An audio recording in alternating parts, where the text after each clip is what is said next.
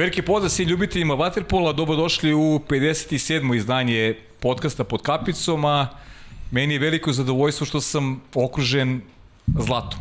Okružen sam zlatnim momcima, okružen sam e, momcima koji su budućnost srpskog vaterpola. Posle 2015. godine prvi put jedna juniorska reprezentacija Srbije osvojila zlatnu medalju na, na svetskom prvenstvu, a sa mnom u studiju su ni manje i više nego MVP prvenstva, najbolji igrač, kapiten i najbolji golman šampionata. Dakle, tri momka koji su imali tekako uticaja na, na igru srpske reprezentacije, pa ću u ovom prvom delu emisije a, zajedno sa njima popričati o o putu kroz e, e, svetsko prvenstvo u Pragu, o tome kako su stasavali uz trener Uroša Stevanovića i e, ovo nije prvo prvenstvo na kom, na kom igraju, već su deo jednog projekta koji za budućnost ima, za budućnost ima glavni cilj, a to je da a, srpski vaterpolo dobije igrače koji će naslediti upravo one koji su završili karijere na olimpijskim igrama u Tokiju sa zlatnom osvojenom medaljom.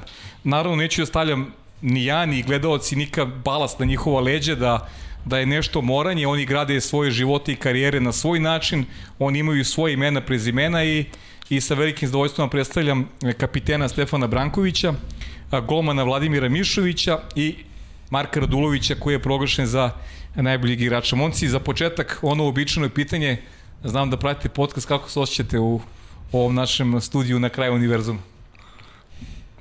ja. Pa ti, ti si kapitan, ajde. kapitena. Pa prijatno je ovde, stvarno mogu to reći. Kad smo došli ovde, prvo kad smo gledali to sve, te, sve te emisije, nekako nismo mogli da zamislimo da budemo u ovim stolicama, ali veoma je prijatno biti ovde. E, ja ću da kažem jednu stvar pre, pre početka. Uh, nijedan od 23 nije želeo da bude gost ovde, ne zato što ste vi uh, ne, niste profesionalci ili zato što uh, bežite od oči javnosti, već ste sva trojica rekli istu stvar, da smatrate da još nije vreme da se pojavite u podcastu iz e, poštovanja i prema e, starim igračima koji su prošli kroz ovaj studio, ali kažem vam, uradili ste nešto veliko, uradili ste za svoje godine nešto veliko i ja sam siguran da ćete sva trojica u jednom momentu biti deo ovog podcasta, da ćemo pričati pojedinačno sa svakim od vas i vrlo cenim i poštujem vaš stav i negde vidim da da ste u tom pogledu u mojim očima ste još veći nego što jeste zaista. I želim vam od srca onako sve najbolje. Nadam se da ćete napraviti karijere kakve želite i da ćete biti pravi naslednici ovih e, legendi vaterpola koji su koji su ovaj sišli sa najveće scene makar kada je reprezentativni vaterpol u pitanju. Hvala. E, sad ajde da krenemo da krenemo od nekih od nekih e, početaka vezanih za za vašu generaciju. E, nije ovo prvo takmičenje kome ste se pojavili E, projekat Saveza i Uroša Stevanovića, vašeg selektora, da je sa, sa mlađom generacijom igrača e, krene još od ranije faze, još od pre 3-4 godine neki takmiče, pa aj sad malo mi prepričajte da sad ja ne ulazim u detalje kada ste se okupili, kada ste počeli da igrate zajedno i kako je sve to izgledalo. To je sve počelo pre oko tri godine, ja mislim. To je bilo leto pred svetsko prvenstvo u Sombatelju. Uh -huh. To je bilo svetsko prvenstvo za 2000. to godište, znači godinu dana starijih od nas. I te pripreme su trajale oko dva i po meseca, ja mislim. Tako, dva i po meseca i bio je jako velik spisak. Bilo je oko koliko je bilo? Pa 30, 40. 40 uh -huh. igrača otprilike. 40 igrača. I dugo se držao taj spisak i tek pri kraju priprema je počeo on da se skraćuje. Možda je čak bilo i oko 20 igrača pred finalno skraćenje, pred, pred sam put. I tek se tad skratio skroz spisak za svetsko prvenstvo. Uh -huh. Vlado, ti si bio takođe deo, deo te priče. Jesam, da, da. Ovaj, pa stvarno to što, što je ne, nekako ovaj, te pripreme su stvarno bile jako teške, jako duge. Trenirali mm. smo po 3 sata dnevno ujutru i 3 sata uveče. I mhm. teretana još. I, I teretana. Da, i još smo imali sat i po teretana. Znači, stvarno je izuzetan jedan tempo ovaj, koji smo nekako izdržali i ovaj I dugo je trajalo, da, skraćenje spiska je ovaj, se odužavalo sve duže i duže smo bili na tim pripremama i ovaj i na kraju smo otputovali na to svetsko prvenstvo nas 13, tako? Uh -huh. 13, da. 13, da. 13 da. igra svetsko prvenstvo. Kako reče Uroš, tu je bilo o starijih, bio je tu Đorđe Vučinić je bio, tako? A, ne, ne. ne. Đorđe Vučinić je bio za Kuvajt. Za Kuvajt je to je bilo da, godinu dana kasnije, kasnije a ovde je bio Šulc kao lider, on je bio tada i kapiten. Da, Vukašin Ganić. Uh, Vukašin, Vukašin Ganić, Ganić da. i Bulajić? Da, Bulaja, Bulajić je bio Bulaja, golman. Milan Bulajić. Milan Bulaja. Da, Da. da. Pa jeste, Milan Bulajić i ja mislim da su samo njih trojice bili starijih. Da, Da, Nisam trojica. siguran ako nekog sam zaboravio da se ne uvredi, ali stvarno mislim da su bili Da, samo, samo njih njih trojica i sve ostalo smo bili mi 2001. i eventualno neko 2002. Da. Da. Petar Mitrović što je sad bio, on je bio i Centar, tada da. i u Kuvajtu i, i sada u Pragu. E, ono što je interesantno, Marko, ti si u, tada bio uh, represivac Hrvatske, tako, u Sombotelju, da. Smo Tako je, bili tako ljuti je. Da ste rivali. bili da, da, ljuti Pa, rivali. ljuti rivali, da, znali smo se mi svi ne, međusobno, ali da, tad sam bio u hrvatskoj reprezentaciji. Da, ti si inače rođeni riječani, pričat ćemo kasnije, u to vreme si igrao za reprezentaciju Hrvatske, prošli si sve, sve reprezentativne selekcije Hrvatske od tih nekih najmlađih dana, je li tako? Pa da, tad je bio neki drugi, ajmo reći, tamo je bio neki drugi sistem, tamo se gledalo za nešto drugo, ali eto, u 17. godini sam se odlučio dolaskom u Srbiju promijeniti državljanstvo, o čemu ćemo kasnije O, pričati. kasnije ćemo, da. da. A kaži mi tad u Sombotelju, ste se družili, ste se, ste se znali lično ili, ili ste se gledali onako ispod, ispod oka? kako ko, bilo je par igrača koji su se družili, a Aha. bilo je i par koji su Da. se gledali ispod oka. Pa dobro, to je sve normalno, to je sportski rivalitet, nije Pa, no, to naravno, nikakvih zlih želja i ostalo, samo, Aha. samo prosto smo hteli da pobedimo jedni drugi u Tako je. bazenu. Pazi, me- meni, meni je impozantno zaista kad pričamo o Waterpolu, recimo to, meni je to najzdravije rivalstvo kada pričamo Srbija, Srbija Hrvatska je to u Waterpolu, zato što e, vi ste rivali u bazenu, ali izvan bazena e, i onako negujete jedan da kažem, ajde neću kažem prijateljski odnos, jedno poštovanje koje postoji među vama i šaljete jednu super sliku e, generalno u regionu kako treba da se ponaša neko ko ima zdrav razum i normalan je, mislim. To, Pa jeste, sad na primjer, posle četvrtfinala u Pragu, posle utakmice sa Hrvatskom, ni, ni, nije bilo nikakvih odbojnih uh, energije, ili tako Mhm. nešto, prosto mi smo prišli njima, pružili ruku, oni nama takođe, posle toga oni su nam poželili da uđemo u finale, da osvojimo, posavetovali nas kako protiv Mađara, pošto su oni igrali s njima, Mhm. ja mislim u Varaždinu pripreme, i rekli su nam, e, to njima ne odgovara, radite to, mislim, stvarno jedna vrhunska, vrh, stvarno vrhunski momci, stvarno Da, da, mnogo dobri ljudi. Super. Ajde da se vratimo samo na taj kuvet. Kako, me, kako ste doživjeli taj, taj ajde da kažem, doćete do finala, mladi ste, a u Kuvajtu ste izgubili ste eto zlato u velikom finalu, tada je Grčka u ostalom videli smo i na olimpijskim igrama, oni imaju, imali su dvojicu Dvojicu. igrača iz te generacije u prvom timu. E, kako ste doživjeli to finale protiv Pa, Grčke? falila je ova jaka ruka Je to? ovde. Markova? Markova, Stefan, Mat. treba si ranije, treba si ranije da zaigraš za Srbiju, to je to. Trebao sam, ali je pauza ona obavezna kod mijenjanja državljanstva godina Mhm. dana, pa se to tačno poklopilo tada, jer nismo na vrijeme neke papire krenuli davati. Odnosno krenuli smo, ali se nešto izjalovilo, pa Mhm. sam morao pauzirati o svjetsko prvenstvo, nažalost. Ali da je neko rekao, potpisalo bi se drugo Da. mjesto prije prvenstva svakako, tako da, Da, da, odličan jasno. uspjeh. Da, ali što kaže Vlada, on je da. trenirao to On je leto to, sa to nama. leto Jel tako? trenirao sa nama, da. Da. Bio je na pripremama. Poraz od Grčke 6-4, z- uzbudljive utakmice bila i mislim ono na, na Maltine na jednu loptu. Da, da, veoma mali broj golova, ali bili smo i umorni i mi i oni, ali mislim da je Vlada tad isto odigrao perfektnu utakmicu, mislim samo šest golova, to je jako mali broj golova, pogotovo u finalu. Vlada je stiljivo, on izgleda stalno ima perfektnu utakmicu.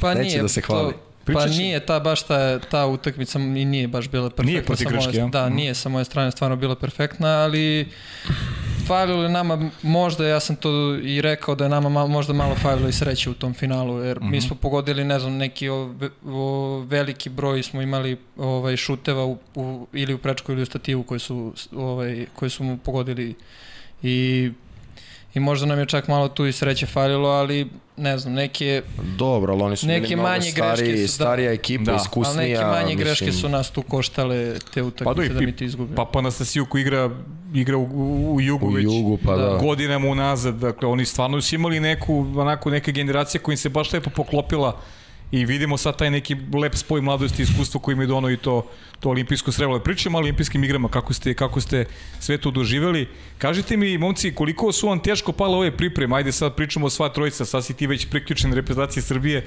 Ove, koliko su vam teško pale ove pripreme od dva meseca pred odlazak na Prag? Imali ste sva trojica napornu klubsku sezonu i pričat ćemo o tome, jer Jer ljudi ne smiju da zaborave, vi ste deo ozbiljnih sistema, radnički osvojao titule, ti si osvojio kup sa Crvenom zvezdom, igrao polufinale Kupa Len, vi ste na najvećoj sceni uveliko i to je nešto što je vaša prednost odnosu na generacije koje su pre vas, recimo to 95. godište koje je poslije bilo svetski, koji su bili svetski šampioni, oni nisu imali priliku da igraju u jakoj ligi i to je nešto što vama daje prednost u odnosu na, na, na generacije koje su e, stasavale pre vas. E, kako su vam pale te pripreme posle naporne sezone od, od puno dva meseca?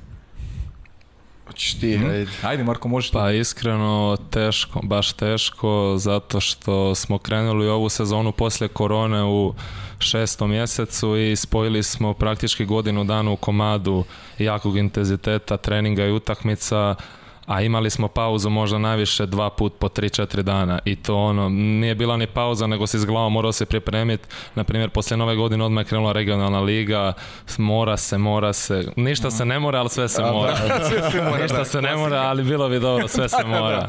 I onda godina dana u komadu, posle toga odmah već ko je ispo prije u polufinalu prvenstva, oni su već krenuli se priključili igrači iz Zvezde i Šapca su se već priključili reprezentaciju, a mi nakon treće utakmice s Novim Beogradom i mi smo se priključili tako da odmah je krenulo novi stres, novo sve i poslije toga smo imali par dana odmora, odmah je krenulo to dvomjesečno okupljanje i baš je bilo teško. Više čak i psihički nego fizički zato što nije bilo nekih ispušnih ventila da kažem kao zadovoljio si se s regionalnom pa si se zadovoljio s prvenstvom ali kao ajde da uzmemo još i ovo kao nikako ono da, da. nikako da neko kaže ajde čekaj malo odmori pa ćemo onda da uzimamo dalje I eto, tako ja, da bilo baš naporno. Ali ste svjesni da do kraja karijere nema tog ventila. To, je, to će da vas prati do kraja karijere, bukvalno. To smo to sad shvatili. Tako, pa, da. to smo sad ne, shvatili. Nema, nema, nema, nema drugačije. Da. Svako leto ima nešto novo, neka, da. neka priča repestina postoji uvek. A, da. uvek to tako mora da bude. Mislim, da. odmor nikad. Ste spremni za to, jeste? Ja? Pa, nadamo se da će biti, to je prva stvar.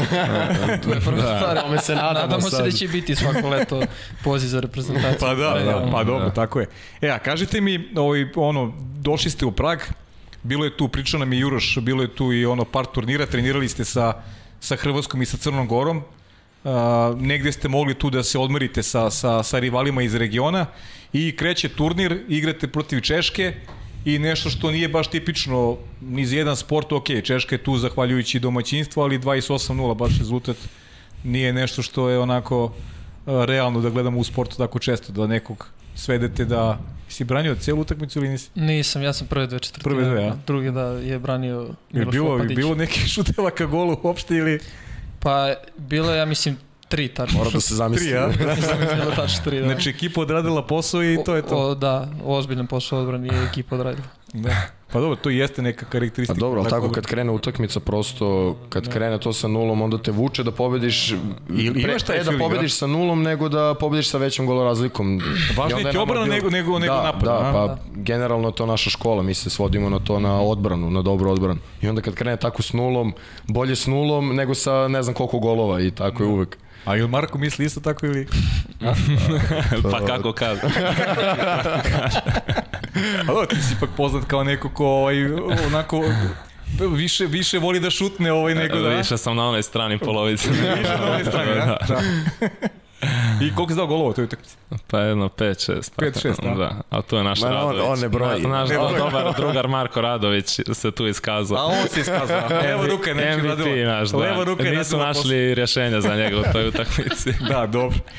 Dobro, okej, okay, a mislim, ajde, ne, ne, ne, ne pocijenjamo nikog, naravno, ali prosto naravno, stvarno naravno. nula je onako, redko se zaista da. dešava, vi ste rivale sveli dva puta na ovom turniru na, na nulu, što je baš onako jedan da. raritet, ali ajde, da, da se vratimo na tu Španiju, to je u stvari jedini, jedini remi na turniru koji ste imali i Španci su u suštini izjednačili u finišu utakmice. Kako ste doživjeli sva trojica utakmicu i kako gledate na Španiju generalno kao nekog potencijalnog velikog rivala u budućnosti, jer vidimo da generalno Španija je napravila u ovoj A selekciji godinama unazad najviše problema. Španci su nekim svojim stilom igre onako doveli do toga da, da ih svi doživljavamo kao vrlo respektabilnog, možda najtežeg rivala u posljednjih par godina. Hoću ja. Ajde, možeš, ajde, kogod. Pa, kao što su najveći, da, da kažem i ljuti rivali našim seniorima, tako su i nama. Mi se već četiri godine susrećemo sa njima na velikim takmičenjima. Mislim, za nas velikim takmičenjem, naravno. Imali smo Evropsko na Malti gde smo ispali od njih u četvrtfinalu, gde mogu slobodno kažem da su nas slomili potpuno. Ja sam imao, posle toga sam bio otvoren, Nemanja imao imao je oko vrata, ne, Nemanja Stanojević, Stanojević, imao je oko vrata ono da mu drži jer su mu pršljen Kragnu isto pomerili, da. da, Kragno je imao, mislim to posle te utakmice nismo mogli da dođemo sebi. Ali onda godinu dana kasnije dolazi Sombatelj i prvo Common Cup smo imali, to je pripremi turnir. Uh -huh. Uh, on je bio u Beogradu i prvi put smo bili u polufinalu, ulazimo u finale sa Španijom, znamo šta je bilo godinu dana pre toga i sa mlađom generacijom dobijamo tu Španiju i to nam bi bilo u vau, a znali smo da smo u grupi sa njima u Sombatelju. I onda dolazi taj Sombatelj i, i u grupi ih takođe dobijamo i jedan gol razlike, mislim da je bilo 8-7, je li tako? Da? Marko je dao 3-4 sekunde. Traje, Da, 3-4 možda sekunde. Opet O, ovo je gospodin ovdje. Ne, ne, Radović. A, Radović, a, Radović. Radović. Pravi Marko. Radović. Pravi, Pra, Marko, pravi Marko, pravi Radović, Marko. Radović, Radović. Sjajno. pravi bombaš. Pravi Marko. pravi Marko. I, I onda posle toga ih dobijamo i sad opet smo s njima u grupi i to nam je kao neki stalni protivnik kog želimo da dobijemo, a znamo da nikad neće biti lako sa njima. Drugi, drugačiji stil igre, mi njima ne odgovaramo, ne odgovaraju oni nama i nikad se ne zna šta će tu da bude. I na kraju taj Remi 6-6, iskreno, moje neko osjećanje posle utakmice, uh, ne znam kako bih to rekao, ali očekivao sam da očekivao sam pobedu. Želeo sam jako tu pobedu, ali na kraju se ispostavilo da je sve išlo nekim svojim tokom koji treba da ide i otvorilo se sve kako treba posle. Vlado, kako si ti, kako ti kao, kao, kao ono golman neko ko je posljednji bedem u odbrani, koliko su ti onako tebi španci, koliko su specifični možda nekim nekim stilom igre, akcijama nekim, da li, da li osjećaš neku razliku u odnosu na, na, na, na, na druge rivale kad igraš, kada, kad igraš protiv Španije? Pa naravno osjeća se, ovaj, Španci su stvarno izuzetni šuteri. Uh -huh. Imali su sada u, sam, uh, sada sam kako se zove u Pragu zapamtio njih dvojicu, trojicu sa svak, sva- stvarno jako dobrim šutom. Ali ovaj ta utakmica ja ne mogu da je prežalim jer smo baš Radule i, i ja smo posljednji gol prodali. Aha. I tu utakmicu sam stvarno tu utakmicu sam stvarno ono mislio ne mogu da verujem kao imaš jednu stvar da uradiš koje, koje je do tebe i ti ne možeš da uradiš, jel moguće ovo i tu ono prvo sam razmišljao ovaj da li je moguće da ja ne mogu da, da, ovaj, da uradim tu jednu prostu stvar i da li sam ja uopšte za ovo, a onda kasnije sam shvatio m, ono, grupa je šta god da se desilo mora da idemo dalje, mora da se igra ne, mo, ne mogu sad da očajavam zbog jednim golom i stvarno taj gol mi je stvarno jako teško pao, ali mora se nekako se nastavio dalje, da. E, a moram ti kažem jednu stvar ovde, kad je Deki Sajić bio ovde prvi put i, i kada smo pričali o njegovoj karijeri, vratio se na tu 2004. godinu u Atine, olimpijske, Da. olimpijske igre i onda mi je rekao jednu sjajnu stvar, kaže, kad sam gledao prvi put snimak, bilo mi još teže nego kad smo izgubili. Da, Zašto? Kaže, zato što što- sam shvatio da sam ja kriv za taj gol. Da. I to je, znaš, nešto što igrače prati kroz, Jeste, kroz da. karijeru kad imaš taj neki, neki feeling, ali prosto dižeš glavu, ideš, ideš dalje i jednostavno to je, to je sport, znaš, neki Da. put urediš stvari kako treba, neki put, neki put ne, ali to je normalno, ljudski potpuno. A kaži Marko, ti, ovaj, e, Filipe Peroni ovde sedeo, e, bio je gost našeg podcasta i on je pričao kako ne može da parira fizički nikad srpskim igračima i da kada čuva tu tu desnu stranu recimo Filipa i Mić, i Filipa i, i, i, Mandu kaže ja moram da budem agresivan da budem da budem nekad i bezobrazan ili osjećaš nekad e, u toj igri sa Španijom tu taj neki njihov taj ajde da kažemo bezobrazluk ovo što je pričao i Stefan o tome da da su negde na granici incidenta jer prosto pokušavaju da ispariraju fizički ekipi koja je objektivno jača od njih. Pa osjeća se, osjeća se uvijek kad se igra s njim, oni su uvijek napeti, uvijek su fizički na jako velikom nivou. Nikad protiv Španaca se nije igralo da, da su nespremni, znači njihova prva karakteristika je da su agresivni, da su prespremni, a onda sve ostalo. I meni isto lično je protiv njih uvijek najteže za igrat. Od svih reprezentacija najviše volimo igrat, svi mi iz Balkana volimo međusobno jedni s drugima igrati jer najjednostavnije igramo. Samo igre preko centra, što manje da se pliva, što više šuteva i odbranu stisni, a Španci stalno nešto uplivavaju, podronjavaju, ulaze u tebe i zato je to dosta. I u odbrani su jako agresivni, svi oni kao djeluju maleni, sitni, ovo ono, ali u igri je to mnogo U stvari drugačije. skaču i levo i desno, Da, da, da, neka da. time zona igri je- polu, pa sve da. si nešto nesiguran. Pa šutneš, pa Da, ti ode da, preko da. glave u kontru, pa U strahu od baš- kontre uvek. Nije baš, ali ovo što kaže Vlada i Stefan, bilo je prvo, ko, odnosno drugo, Drugo kolo, kolo, da. Bila je grupa i jedini problem je bilo tu, jer onako meni lično kad se odigra loša utakmica, bitno je da ima neka utakmica nakon te, da se što prije još vratiš s glavom, da odigraš sljedeću dobro i da se vratiš na pravi put. A šta je bilo? Mi smo imali poslije toga, to smo igrali rano ujutro, imali smo cijeli taj dan slobodan i sljedeći dan nismo igrali utakmicu.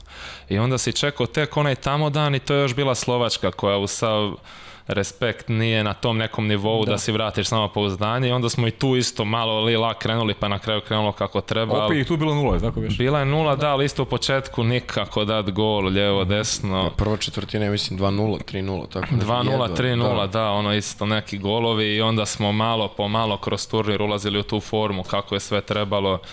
Tu sam ja lično imao sreće, ja sam se čuo sa Strahinjom Rašovićem, on mi je puno pomogao, on je meni pričao da isto tako i olimpijada, što smo imali primjer za vidjeti olimpijade, isto tako krenula njima u grupi, isto je bilo čupavo, isto je bilo teško u grupi, ok, to je sve taktički bilo, ali na kraju poslije četvrt finala oni su imali uz, uzlaznu putanju, oni da su igrali još deset utakmica, niko ih ne bi pobjedio. Da, pa da, pa to je to jeste suština. Pa negde i, i ono što što i karakteriše srpski vaterpolo je, kroz istoriju generalno, Da. ono kad je najvažnije Da, ali sećam Da, se si ja kad smo najbolji. došli baš u Prag, pošto smo mi celo leto trenirali na zatvorenom bazenu, tamo Mhm. kad smo došli na otvoreni od kiseonika, svi smo se, nismo mogli se nadišemo. I bi baš smo se osjećali katastrofa, sećamo se protiv Španije, bili smo mrtvi. I sećam se baš da sam pitao Uroša da odradimo nek, malo neko plivanje čisto da probijemo, on je rekao neka, ako se osjećate ok, samo malo teški, pustite to, probit ćete vremenom i stvarno već posle, protiv Amerike kad smo igrali, to je bilo, osetili smo da možemo i da povučemo i da plivamo. Što kaže Marko, na kraju ceo turnir smo išli samo na gore sa formom. E, idemo do, idemo do te Amerike. Amerika je bila bitna jer tu se gledala gol razlika. Ko će pobediti više Ameriku? Da li, da li Španci, da li, da li Srbija? Bilo je tu nekih momenta malo onako i spornih u, u toj utakmici. Kako ste vi sa glavama ovaj, nosili taj meč? Ili ste razmišljali o tome da vam je, da li je vama u glavi bilo važno da budete ubedljiviji od Španije ili vam je prosto bilo bitno samo da, da pobedite Ameriku i da sa nekim pozitivnim stavom uđete u, u, u narednu fazu?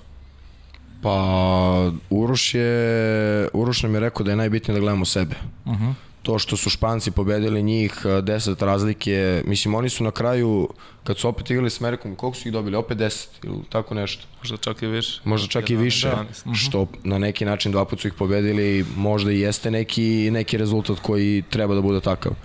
Ali stvarno nam je rekao, gledajte sebe, momci, bitni smo mi, to što su ih oni pobedili i ne treba da jurimo rezultat. Mi se nameštamo, mi idemo dalje, mi rastemo kao ekipa i nismo obraćali pažnju na to. Naravno, hteli smo da pobedimo, hteli smo da budemo prvi u grupi, jer i u Sombatilju smo bili prvi i u Kuvajtu da. smo bili prvi i sad biti drugi nam je nekako bilo strano nam je bilo, ali za sve postoji prvi put, naravno, na kraju ispalo najbolje moguće.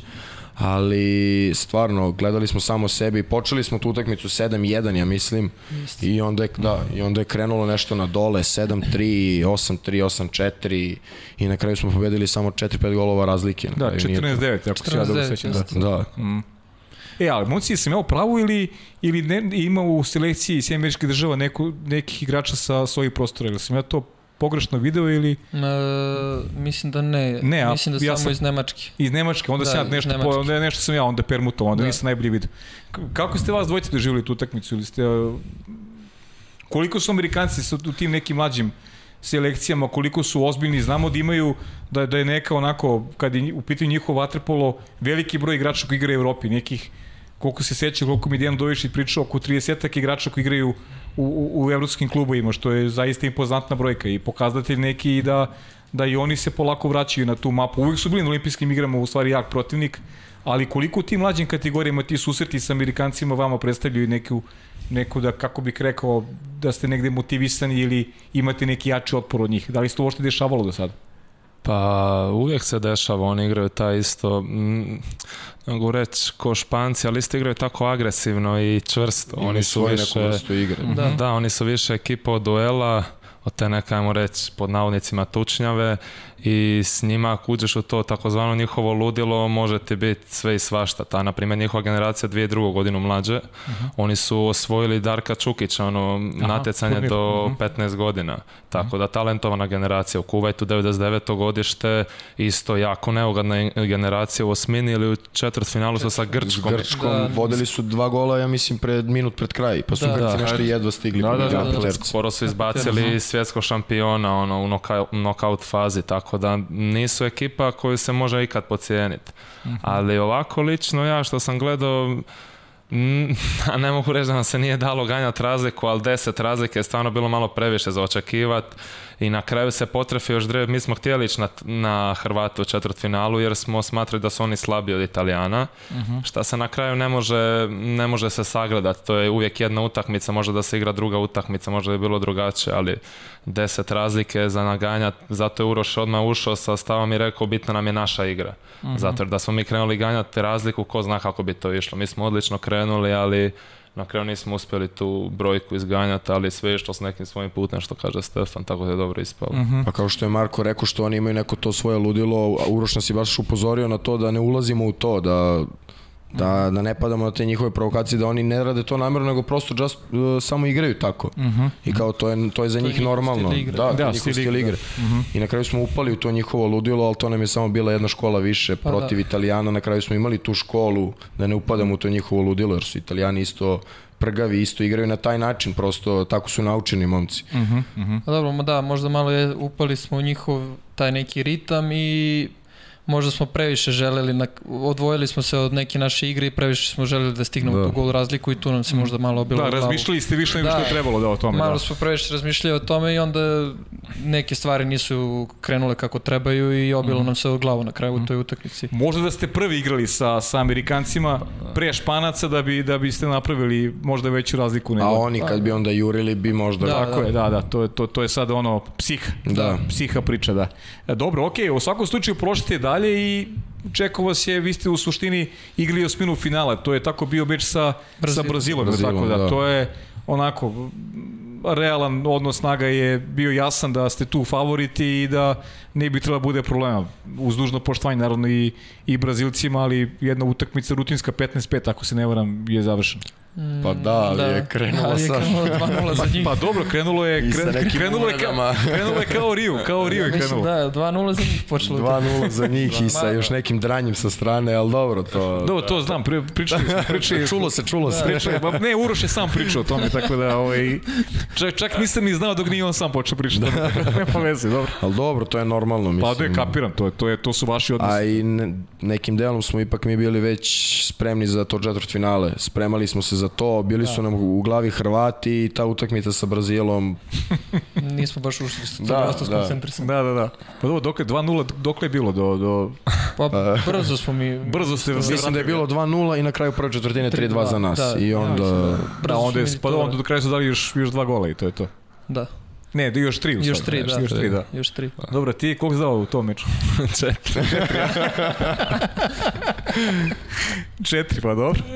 Nije loša brojka. A Brazilci imaju 7, nešto. 7 je bolje. Sedam je bolje. je bolje. Da. Da, pa imaju tog jednog igrača koji E, nosio broj 6, da, i na kome Uroš nam je rekao da na njega izlazimo i da Samo njega on, najviše jedini čuvamo. igrač. Jedini i mi smo... I na kraju je skupio dosta Znači, šuteva. znači Da. taj bi mogao da zaigra za Španiju neko dogledno vreme. Ili za Italiju, o? U nekom trenutku U nekom možete. vrlo moguće, da. Da. Dobro, ajde da onda nećemo, nećemo mnogo se, po- da se pričamo o Brazilu, da idemo na, na taj meč sa Hrvatskom. Pričali ste o tome koliko igraju, igraju tipično e, Španci, ali su i, i Hrvati. Jeko Kobešćak je mora malo da prilagodi e, ovaj, igru nekim potrebama ekipe i činjenici da nema tako dominantnog centra kao što su imali neke ranije generacije e, hrvatskog vatrepola, pa koliko ste se, mislim, naučili ste sigurno iz, iz utakmica sa njima u tim, tom pripremnom periodu. Kaže Marko, bili smo favoriti, preželjkivali smo Hrvatsku. Koliko vam je bilo teško da se adaptira, topite taj neki njihov stil? Nije baš tipičan za, za ekipe sa svojih prostora, malo drugačiji e, ovaj stil igre nego što je to bio slučaj ranije godine. Hoćeš ti, to ipak Ajde, može, tvoja da, struka. može. A jeste, da, nije, nije tipičan stil igre, to je više... Hrvatska igra godinama preko tih eh, nadmoćnih centara. Mhm. Uvijek su imali vrhunske centre, i sad u reprezentaciji Vrlić, Vrlić i Lončar dolaze, Paparić i Lozina, dakle sve vrhunski cetri, stvarno među najboljima na svijetu. Desila se ta tako da kažem, neka rupa u generaciji gdje su ostali bez nekih centara, šta su se dečki ostavili, šta već je falilo centara do tada i oni su bacili dečke koji nikad se na toj poziciji prije nisu našli, jedan je do tad bio bek, tu i tamo bi povremeno uplivo na dva metra, ovaj drugi igrao desnu stranu, ljevoruki, nikad ono se nije susreo s tim. I onda Vjeko napravio odličnu stvar i postavio kroz ovo prvenstvo, on nije ganjao rezultat, on je ganjao da postavi neki novi sistem igre, a to je kroz neka uplivavanja, kroz kontru, on je postavio neki, ajmo reći, španski, odnosno italijanski stil igre, nešto sa puno uplivavanja, M zona, puno kretnje, da se prestane igrat to, tako na klasične te centre, tako da to je sad ih dovelo do petog mjesta, ali mislim, pošto je to tek početak, da bi kroz neko određeno vrijeme mogli napraviti stvarno nešto dobro s tim sistemom, jer stvarno mi se čini da taj sistem nije loš. Da, ali oni su bili peti, ali na kraju su oni po, po, povedili su i Italiju i Španiju su pobedili. samo, pa su da. izgubili, samo su od Srbije izgubili u suštini, da, cijelom prvenstvu. Osam utakmice ili devet su samo, Samo nas izgubili. izgubili, pa da. Pa da, ali to ono što priča Uroš, to je bitno, recimo, ako postavljaš sistem, taj sistem treba da, da prate sve generacije reprezentacije, dakle, da igra tako ja reprezentacija, sad ne znam da li, da li oni žele da promene generalno sistem kad je u pitanju nacionalni tim, ili je to sad samo nešto što je, što je iznuđeno, to je opet njihova ovaj, odluka, A, da. njihovo pravo i ono što bitno je da ste se vi prilagodili i da ste opravdali e, ono što ste očekivali, da, da možete pobediti Hrvatsku. Kako je vama izgledalo, vama dvojici, taj, taj duel sa, sa momcima koje dobro poznajete i e, s kojima ste eto, i imali pripreme zajedničke? Vlado, ajde, možeš ti, Vlado. Pa ovaj Pa trebalo je baš dobro da se pripremiti za tu utakmicu jer smo ih mesec dana pre toga pobedili 3 na 6 čini mi se na pripremnom Mhm. turniru u Puli i ovaj i znali smo da to odmah nije realan rezultat i da i da smo mi sa prevelikom razlikom tada pobedili i znali smo da će sada o, o, momci na, svaka, na svaki mogući način po, po, pokušati da pobedi, da će igrati baš tvrdu utakmicu kako je bilo. Stvarno smo igrali tvrdu utakmicu do posljednjeg minuta smo igrali, kako se zove. I u stvari da, mi smo, oni su da, mi smo se bili čak u posljednje četvrtine lepili, ja mislim četiri gola da smo imali razlike, oni ni tad nisu prestali da igraju, oni su i tad ovaj, sa dva gola pokušavali na sva- svakakav, svakakav način da se vrate u utakmicu Da, do posljednje sekunde ali su nisu uspeli, da.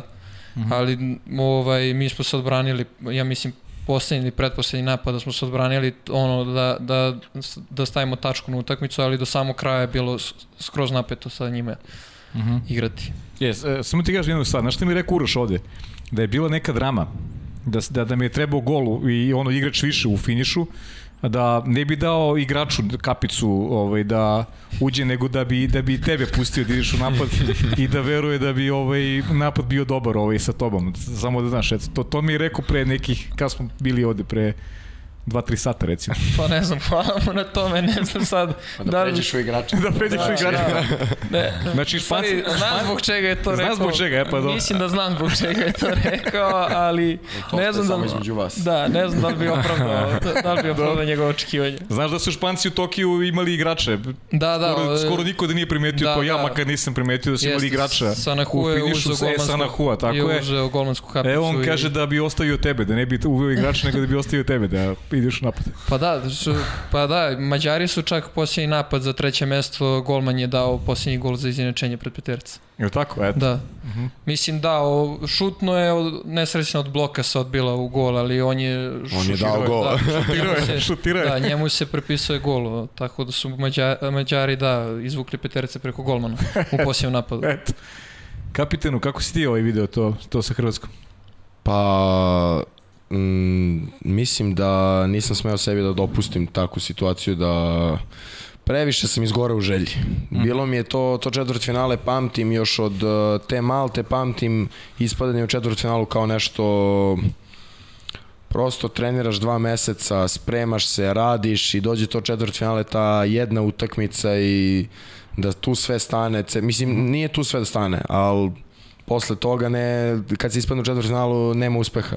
Uh -huh. I ispadanje u četvrtfinalu ja smatram bar za mene nešto što može najgore se desi na turniru. Uh -huh. I toliko sam sebi pravio tu neku tenziju u glavi, uh, ekipa je previše opuštena, nije opuštena, ja sam opušten, nisam opušten i Uroš mi je baš rekao posle gledam te, sam si, Rekao, ajde da te pustim, a ja, se, ja posle utakmice razmišljam što mi nisi prišao da me opustiš, a ja onako sedim i duvom ovako da se opustim. O, osjećam kako me bija adrenalin, baš dugo nisam osetio tako da ne mogu sebe da iskontrolišem, baš sam bio izgore u želji. Samo mi je bilo bitno da pobedimo, stalo mi je do te utakmice i prve dve četvrtine kao ugašen. Ne znam, još me pitao u jednom trenutku mogu i ja od želje mogu i nastavljam i nikako da probijem to. Uh -huh.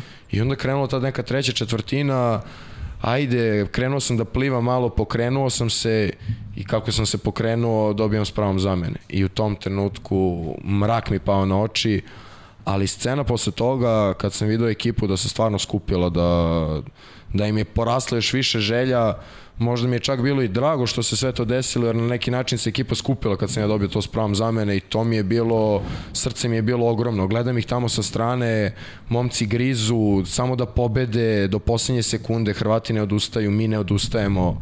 Vidim da nemamo snage, da smo izgubili poslednji napadi, ali ne damo tu loptu, naša je uh -huh. i to mi je, taj, ta slika će mi ostati urezana u glavi kad sam vidio ekipu tako. Da, sjajno, sjajno. Mislim, znaš, to je, to je kad, si, kad si negde i svestan da ne daješ ovaj, doprinos, ali imaš u glavi da je važno ono što radi tim i da je bitna reakcija tima. A eto, nisam znao recimo za, za, za tu priču, super si je podelio sa nama. Uh, sigurno da ti je najlepši osjećaj kad pobedi ekipa, to je da, suština da. cele priče, da. Da, meni je bilo, imao sam tako neki osjećaj kao da sam izneverio ekipu, a onda kad mi je ekipa pokazala da je ona i dalje tu za mene, ta, to, ne mogu opisati taj osjećaj stvarno, jer stajao sam sa strane, gledao ih, mislim se u sebi kako sam to mogu da dopustim da uradim momcima, a momci su i dalje mi pokazali u bazenu da su tu za mene i da, da igraju dalje, da se bore. Mhm. -huh. To, taj osjećaj stvarno neopisiv jedan osjećaj. Da, sjajno, sjajno. I, i pričali smo, pitali smo i Uroša, ono, da li ste nešto prižekivali, ali ono, u četiri finalu Mađarska, Grčka, Grčka koja vas je pobedila u Kuvajtu, opet s druge strane mađarska reprezentacija sastavljena od igrača koji imaju značajne uloge i u Solnoku i u Ferenc Varošu, ja stalno ističem Vigvari koji igrač, igra Ligu šampiona i možda ili neki legitimni naslednik Deneša Varge koga oni već odavno ovaj, e, postavljaju na tu poziciju. E, Mađarska je objektivno bolja od Grčke i ne znam, čito sam po medijama izjave da je generalno to najbolja utakmica koju ste odigrali protiv Mađarske. Delite vi to mišljenje i kako ste doživjeli to polufinale Mađarska koja je onako da kažem tradicionalno ljuti rival reprezentacije Srbije, možda je eto i najveći rivalstvo na kome potenciraju makar mediji, vi najbolje znate kako to izgleda u bazenu. Hoćeš ti Marko, ajde, može. Pa jeste, jeste, Mađarska je tu, ja bih rekao uz nas, i u Crnogorce bila tu u prve tri ekipe prvenstva na kraju se ispostavilo mm -hmm. da se tu desili italijani koji su prošli pred prošle godine u Tbilisi u Gruziji za dvije drugogodište godinu dana mlađe osvojili to evropsko, svjetsko šta je bilo evropsko. i evropsko, da, mm -hmm. i onda su oni se tu upali u priču, ali ti Mađari su bili među najneugodnijima, ovako mi što smo znali mm -hmm. od igrača sa tog prvenstva zato što, što si baš bio spomenuo, dosta tih igrača ima dosta bitne uloge u svome klubu, a ti klubovi su svi na velikom velikom nivou, evropskom, da kažem, taj Ferenc Varoš, da, da, taj Ferenc Varoš koji je igrao Ligu šampiona finale, taj Solno koji je uzeo prvenstvo i, I Len Kup. I Len Kup, mislim, a ti svi igrači, Konarik među bitnim igračima, naravno uz naše Filipa Drašovića i Duška, uh mhm. Taj Vigvar je igrao sa Denešom tamo i Fontulisem, imao is, istu ulogu koju njih dvojica, mm -hmm. to je mhm. njegov mlađi brat isto, mali Vigvari, mm -hmm. tako da oni su bili dosta neugodni, ali imali smo penicilin za njih, tako da našli smo rješenje, Uroš je, Uroš je postavio odlično kao i uvek taktiku, tako da samo je trebalo ispoštovati to što je rekao, biti skoncentrisan pred kraj turnira, da se ispoštuje sve i ispoštovali smo na kraju smo pobjedili. Koliko si Mađarima dao? tri. Tri, ja? Dobro. Moje, tebi volim da brojim. Tačno znam svaku ekipi koju da, koje dao. Pa ne, volim da, volim da mu brojim golove. Volim to je da bilo nedavno, pa zato. Pa, pa, da, dobro. I slatko je dati Mađarima, jasno je. Kako nije. Momci, vas dvojice, kakvi su one utici, to Mađarska i Mislim, i vi ste, iza vas su sjajne sezone, ono što sam pričao i dotaći ćemo se i tog klubskog vaterpola i vi imate ozbiljnog iskustva igranja u, u sada već jakim takmičenjima. Verujem da je to pomoglo u duelu protiv, protiv Mađarske. Pa ja sam iskreno imao neku jaku želju da im se osvetim, jer pamtio sam tu utakmicu sa treće mesta u Sombatelju i to mi je ostalo urezano da još poslednji napad u Sombatelju baš 14-12, meni ispada lopta i tu, tu sam znao da je kraj utakmice i od tad mi je ostalo taka jaka želja da igram protiv njih, da, da ih pobedim. I meni je, dovoljno mi je to bila motivacija, da ne pričam samo što je polufinale svetskog, što smo tu sa njima, što su uvek dobri protivnici, meni je to bio derbi na derbijima. Uh -huh, uh -huh. I si ti, koliko si dao? I si dao njima neki lop? Ja mislim jedan, nisam Jedan, da? siguran. Da. Vlado, ti? Pa jeste to Vigbor što... je ozbiljan šuter, on, ja sam njega sam baš onako lepo zapazio kroz ligu šampiona. Jeste, da, kako se zove, to što je Branko ovaj, ovaj, spomenuo, da, to, to, ta utakmica za treće mesto u Sombatelju sigurno ostaje u, ovaj, u sećanju, jer smo igrali pred punim tribinama ovaj, Mađara protiv njih i izgubili za treće mesto, ostali bez medalje. Bukvalno ceo svet nam se srušio u tom trenutku, nismo mogli da verujemo ovaj, šta se desilo i, i to je bio sigurno jedan motiv i motiv isto taj klubski što smo imali i mi i ove, ove sezone ove utakmice protiv Solonka i to mi bi isto jedan ogroman motiv da, uh -huh. da uzmem i da im se osvetim za to isto što smo izgubili kao dva srpska kluba od mađarskog. Stvarno mi je bilo ono ne znam kako, ali u stvari Mora. znam kako, znam kako, samo slušati Uroša i, i, i, i dati svoje srce da ostavim u bazenu i tako je bilo, to je stvarno to, ta energija koja nas je krasila kroz cijelo prvenstvo, ne, ne, ne mogu da nijednu utakmicu da izdvojim, stvarno smo bili tim od prve do posljednje sekunde prvenstva smo ono, bili tim, tim svim srcem, svi, svako je bio tu jedan za drugom u svakom trenutku. E, to je jako važno, to se baš te vas pita, aj pred, pred tog finala malo i, i ta priprema Uroša i njegovog stručnog štaba, vas, dobro, vas dvojica i znate i radite sa njim u klubu, e, koliko vam on onako uliva tog e, poverenja, ne znam, samopouzdanja koje nosite, ta priprema koju, koju donosi i koliko ste vi ovako kao ekipa složni, verujem i to je nešto što je tradicija u srpskom vaterpolu nije važno uvek imati jedan dobar skup igrača koji se dobro islaži. To je generalno jako bitno u, u, u tom, tom, tom timskom sportu, da kažem. Pa za dobar uspeh iskreno smatram da neminovno je imati poverenje između igrača i trenera. Uh -huh. Jer ako trener kaže u bunar, svi u bunar. I to, mhm. to mora da bude tako, ako, pogotovo ako se želi neki uspeh. A sami uspesi Uroša sa nama na svetskim prvenstvima mislim da govore o tome da, da mu igrači beskreno veruju. Uh mhm. -huh. A on od svih, svih nas, od sve, svih 15 torice ili 13 torice koje skupi, on napravi tako neku homogenu ekipu, da, da svako može sa svakim da bude u sobi, u hotelu, da sedi na ručku i on stvarno obavlja što se toga tiče jedan fenomenalan posao. Uh -huh, uh -huh. Vlado? Pa jeste da, Uroš je stvarno, stvarno ovaj, što kaže Branko, ozbiljan, ozbiljno ovaj, ozbiljno sklopio na našu ekipu i usadio nam je to, to nešto uh, uh, tu neku hemiju nam je on čak usadio, on je bio ne, ključ koji nas je pokretao i sve i stvarno svaka ovaj, njegova reč i sve što, sve, sve što kaže, sve što nam uputi je ono vodimo se time i to nam je, i to nam je amen što se tiče od njega. Čak sam ga ja pred Mađare pitao, pošto meni uroše i u Kuvajtu i pred svaku utakmicu ovaj, i seče mi ovaj, šutere ovaj, protivničke mhm. -huh. ekipe i ja sam ga pitao Uroš, li ti je problem, molim te da mi sečeš kako se zove šuteve Mađara i on pogledao i on kaže da ćeš sigurno Pa je rekao, ako možeš, ako ti nije problem, ako te ne mučim, voleo bih, kaže on, nemoj da ti sečem, nemoj da gledaš na tebe, pusti samo, nemoj pusti samo, bit će sve okej, okay. samo mi da igramo, bolje da ti ne, bolje da ti ne sečem ovaj, da ti ne sečem snimak. Ja sam rekao, dobro, nemoj da mi sečeš, sve je super, vodit ćemo se, ovaj, to, ja sam pogledao još malo, pošto su sve utakmice bile na YouTube, sam pogledao još mm. malo šutera, nisam nija pa nešto pre, previše teo da gledam da se ne bi vodio nečime, ali rekao mi je, pazi, gledaju golmana, šutiraju, fenomenalni su šuteri. I to ti je to, moraš da, moraš da budeš koncentrisan 100%. U suštini to je svima rekao, uh -huh. morate da budete 100% skoncentrisani, ne smete da Budni u pustite... svakom trenutku. Da, u svakom da. trenutku ne smete da ih pustite ni jedne jedine sekunde da, da budu slobodni, da mogu da šutnu, što i jeste bilo. Mi smo ih stisnuli prve dve četvrtine smo ih baš dobro stisnuli kako smo igrali i onda posle treća četvrta četvrtina kako smo ih puštali te sekunde, bukvalno sekunde što smo ih puštali na kraju su nam to davali gol. Da, pa bila je jedna situacija u zoni kako je Akuš kako je primio loptu šutno i dao gol. Da. Ali Uroševa Ali... rečenica posle toga nema veze, pusti to, igri dalje. Da. Samo da, da dodatnu motivaciju i snagu za da se nastavi igra. Mhm. Uh -huh. Marko, ti si možda i, i najpozvaniji jer si radio sa više trenera, radio si u Hrvatskoj, bio si u Vojvodini, u Šapcu, ti si od, od uh, vas u studiju promenio neko najviše klubova i kako tebi izgleda ta saradnja generalno sa, uh, sa Urošom, evo za ovih koliko godinu dana osvojio si titulu u Srbiji, regionalna liga, gde si odigrao sjajno protiv velikana ovaj, Hrvatskog vaterpola i mladosti Juga, pa ajde neki, neki tvoji utisci o, o, o, o toj saradnji.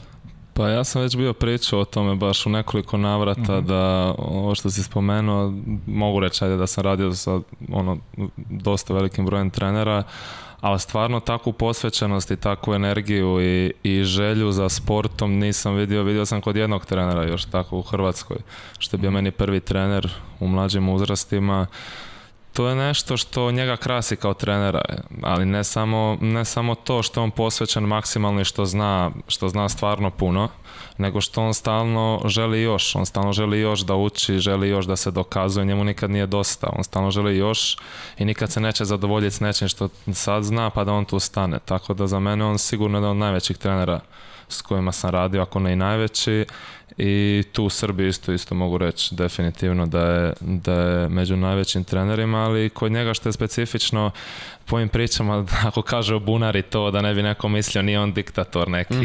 A dobro, okay. nešto, to malo preko kamere izgleda da se on dere, to je čisto radi motivacije, ali on je jedan veliki psiholog i točno zna kako treba s kime pričati, u kojem trenutku i Tako da mislim da je to njegova najveća prednost, što točno zna kako, s kim i kada. Uh mhm. -huh.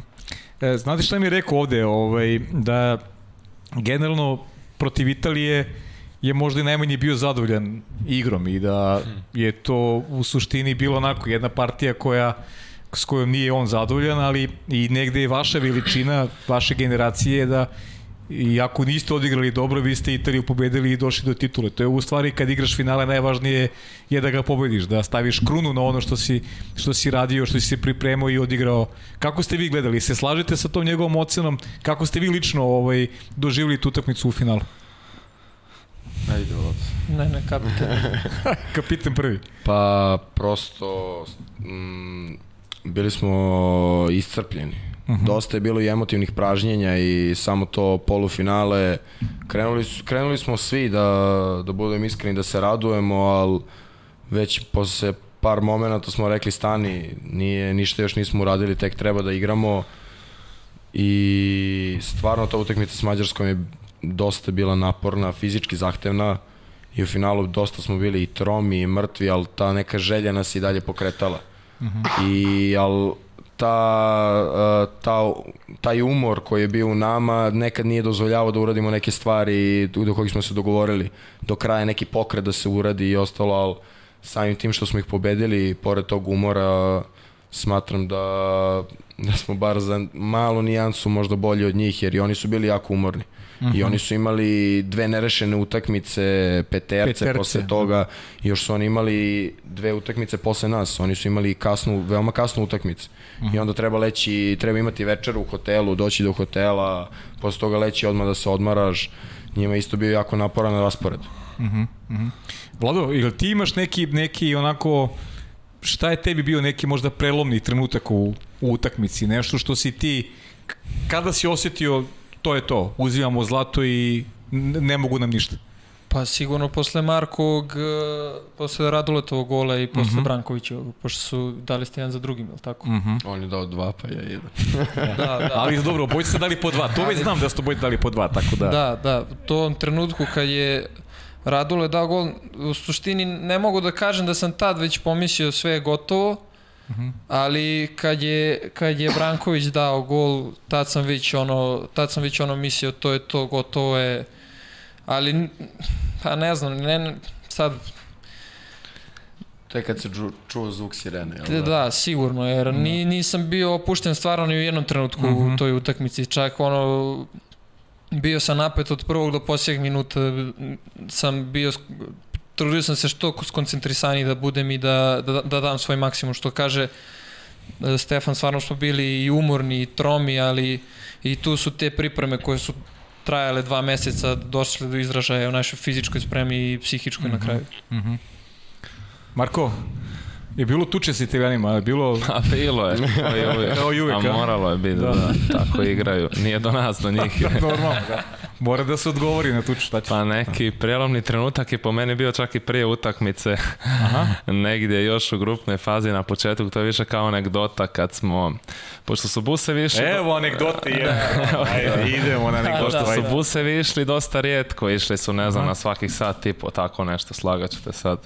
I mi kako odradimo trening imamo još, bi mogli imati 10-15 minuta komotno za bus, ali pošto mi uvijek volimo odraditi 50 minuta više treninga, po tome smo poznati, Jasno. onda nam je ostalo 7-8 minuta za bus.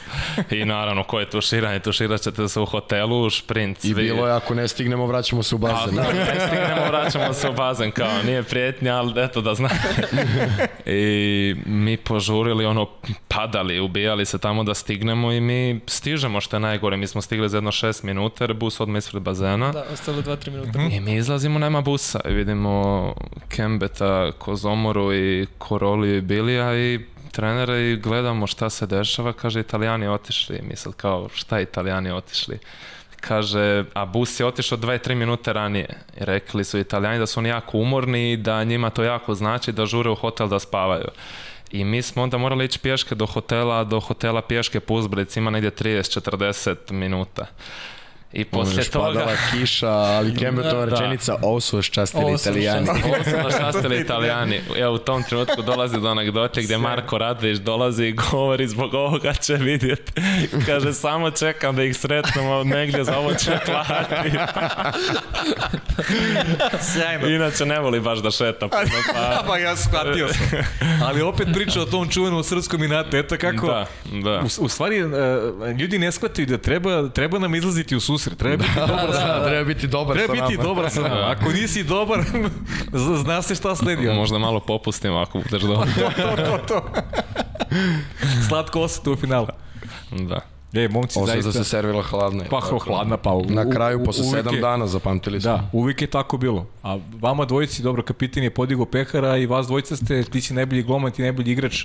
Vlado, imao si, znam proti Hrvatske, pričao je i Kembe, Hrvatski gloman 5 obrana, ti 15, ne znam, imao si uglavnom preko 10 obrana po utakmici, što je stvarno i poznatna brojka. Koliko da si skroman, možda budeš zadovoljan ovaj, svojim obranama, a i sad pričamo o onom ličnom, znam da je to, ne volite se izdvajate iznad ekipe, ali lični onako učinak ti je bio baš impresivan.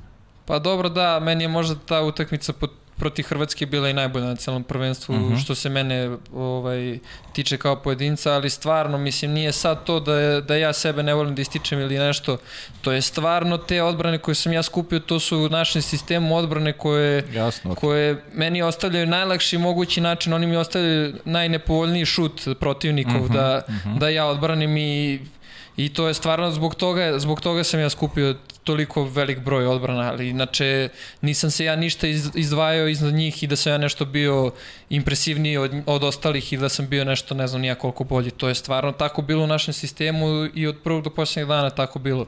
Tako je kad Uroš postavi odbranu i kad je igramo po našem dogovoru, kako Uroš kaže, to stvarno tako onda i funkcioniše i onda na kraju kad se tu skupi ta statistika i kad se izvadi brojevi, to nekom zvuči fascinantno kao vidi ga golman svaka mu čast koliko odbrani, ali u stvari to je e, to je u stvari trud i, i rad cele ekipe koja, koja je uložila svoj napor da, da, da bi ja na kraju eto, odbranio, da bi se meni napisala ta odbrana u statistici. Sjajan si svaka čast. Marko, MVP si, kako god. Ostaće negde upisano da si najbolji igrač prvenstva, pa individualno priznanje Vlada ga negde ovako potiskuje, ali ostaje uvek upisano i lepo je opet za svako pojedinca realno da, da, da to ima iza, iza negde iza svog, iza svog imena. Pa jeste, lijepo je to, pogotovo nakon toliko odrađenih treninga što dolaziš ranije, ostaješ zadnji, dolaziš prvi. Mislim da je to jedno veliko priznanje, ali opet kažem, džabe i to, ako ti ne nastaviš s tim i ako kasnije u budućnosti, ako, jer bilo je mnogo najboljih igrača na svjetskim juniorskim Yes. prvenstvima, ali onda ih isto toliko mnogo i nestalo. Mm -hmm. I završe, neću sad da omalovažavam ni jednu ligu, ali završe u tamo nekoj drugoj talijanskoj, e, drugoj njemačkoj. Mislim, ako ti ne nastaviš raditi, ako se zadovoljiš s ovim, mislim, džabe onda sve, zato, zato nam je Kembe dao već sutra Trening već. da, da bi se spustili na zemlju. Da. Eto tako, hvala lijepo, svakako da, baš lijepo priznanje, da. Jeste, verujem da su i reakcije dobre ovaj, da ste već ono, susreli si sa porukama, znam da je i Dejan Sajs bio tamo i predsednik Saveza Viktor Jelenić, imali ste i tu vrstu podrške. Šta je sledeće? Mislim, vi više nemate, vaše je sad da nastavite da radite i da, i da čekate ono što je najvažnije, poziv da zaigrate za, za reprezentaciju. Poziv za pripreme, pa... Poziv za pripreme, pa kad posle, bude. Dakle. da, da stavili, ste, sta- stavili ste krunu na nešto što se zove juniorski staž. A nema U dalje, manji- sad samo nema dalje. čekamo poziv Tako sledeće leto, sledeće pripreme, tu smo da se trudimo, da se dokazujemo, imamo klubska takmičenja, tu treba budemo isto najbolje da, da se dokazujemo za mesta u klubu, naravno, pa ćemo da vidimo za još trofeje. E, pre nego što pre, pre nego što vas prepustim Sari, ima samo još, još par stvari koje ne želim da propustim. Vlado, ti si kao prvi golman Crvene zvezde osvojio trofeju u kupu. Pobedio si u finalu, tači Zvezda u finalu radnički. Imao si za rivale ova dva momka koji su tu. Na, a, nisam stigao da vidim, ili, ili komi si skinuo peterac u tom finalu? Nisam skinuo peterac. Nisi, ja? Nisam, uh, Marko ga je promašio. A Marko je promašio, Da, aha. pogodio je prečku. Pogodio prečku, znači nijedan nisi odbranio. Nisam, nijedan. Pazi, ja sam za to finale, Rađen je bio ovde u studiju, radili smo podcast sa Rađenom, tako da nisam gledao i, i baš sam razmišljao, rekao, baš da vidim da li je, da li je Vlada skinuo petera s nekom od ovih drugara ovde u okruženju ili nije. Nisam. Kaži mi šta za tebe znači prošla sezona? Bio si prvi golman Zvezde, branio kontinuitetu, polufinale Kupa Len, os, osvojen trofej u Kupu Srbije, imao si jedan kontinuitet, kontinuitet ozbiljan. Jadranska liga, pritom, Uh, ljudi zaboravljaju Zvezdu su delili peterci opasmana na, na Final Four Jadranske lige, tako da jedna godina koju možete budete i tekako ponosni u klubu. Kako si ti vidio i kako uh, utiče na nešto što se zove nastavak tvoje karijere? Pa da, prvo, prvo mi je ovaj uh, poverenje kluba bilo najvažnije uh -huh. kada su me postavili za prvog golmana. I ovaj i razmišljao sam to je to nema dalje šta sad kako se zove moram da dam svoj maksimum od prve od prvog dana ovaj sezone do posljednjeg. To je to je ovaj bio ceo moj cilj i time sam se vodio da da budem samo maksimalan na, u svakom trenutku. I ovaj i stvarno ekipa je ovaj Zvezde prošle sezone imala imao sam stvarno izvanredne momke ove starije koji su stvarno pre svega dobri dobri ljudi dobri drugovi i, pre sve, i, i plus pored svega toga o, e, dobri savjetnici, ozbiljno, uh -huh. ozbiljno dobri savjetnici. Znači od svakog od njih sam dobio barem po jedan savjet koji sam sigurno iste sekunde, mislim iste sekunde, sledeći trening ili bilo kad prvom prilikom ovaj, pokušao da primenim i da se vodim njihovim savjetima. To je stvarno ovaj, za svaku, za svaku pohvalu što se njih tiče. Stvarno ozbiljni ovaj, momci u tom pogledu. A Uh, što se tiče takmičarskih ovaj što se tiče takmičenja kup na primer jeste u finalu smo ovaj pobedili radnički iako sam ovaj minuti koliko pre kraja je Stefan dao gola, imam... imam... Znao sam da ćeš to da. Pa dobro. Znao sam. I rekao sam mu posle finala kad sam video da si ti dao posljednji gol, pošto imam neke periodi, imali smo neke periodi iz mlađih selekcija Aha. gde mi Stefan daje dva, tri posljednja gola i preokreće utakmicu u, za njegov klub. Aha. I kad sam video da je dao minut pred kraja gol, samo rekao nemoj ovaj, zašto ovaj daje sada gol, je ovo moguće? O, strepio sam minut i po sam strepio samo da ne, da, ono, molio sam se da ne bude u vodi, a kamo da dođe lopta do njega. Znači, samo nemoj kod ovog da bude lopta. A ja te. posle gola ne znam izmenu da dobijem. Sjajno.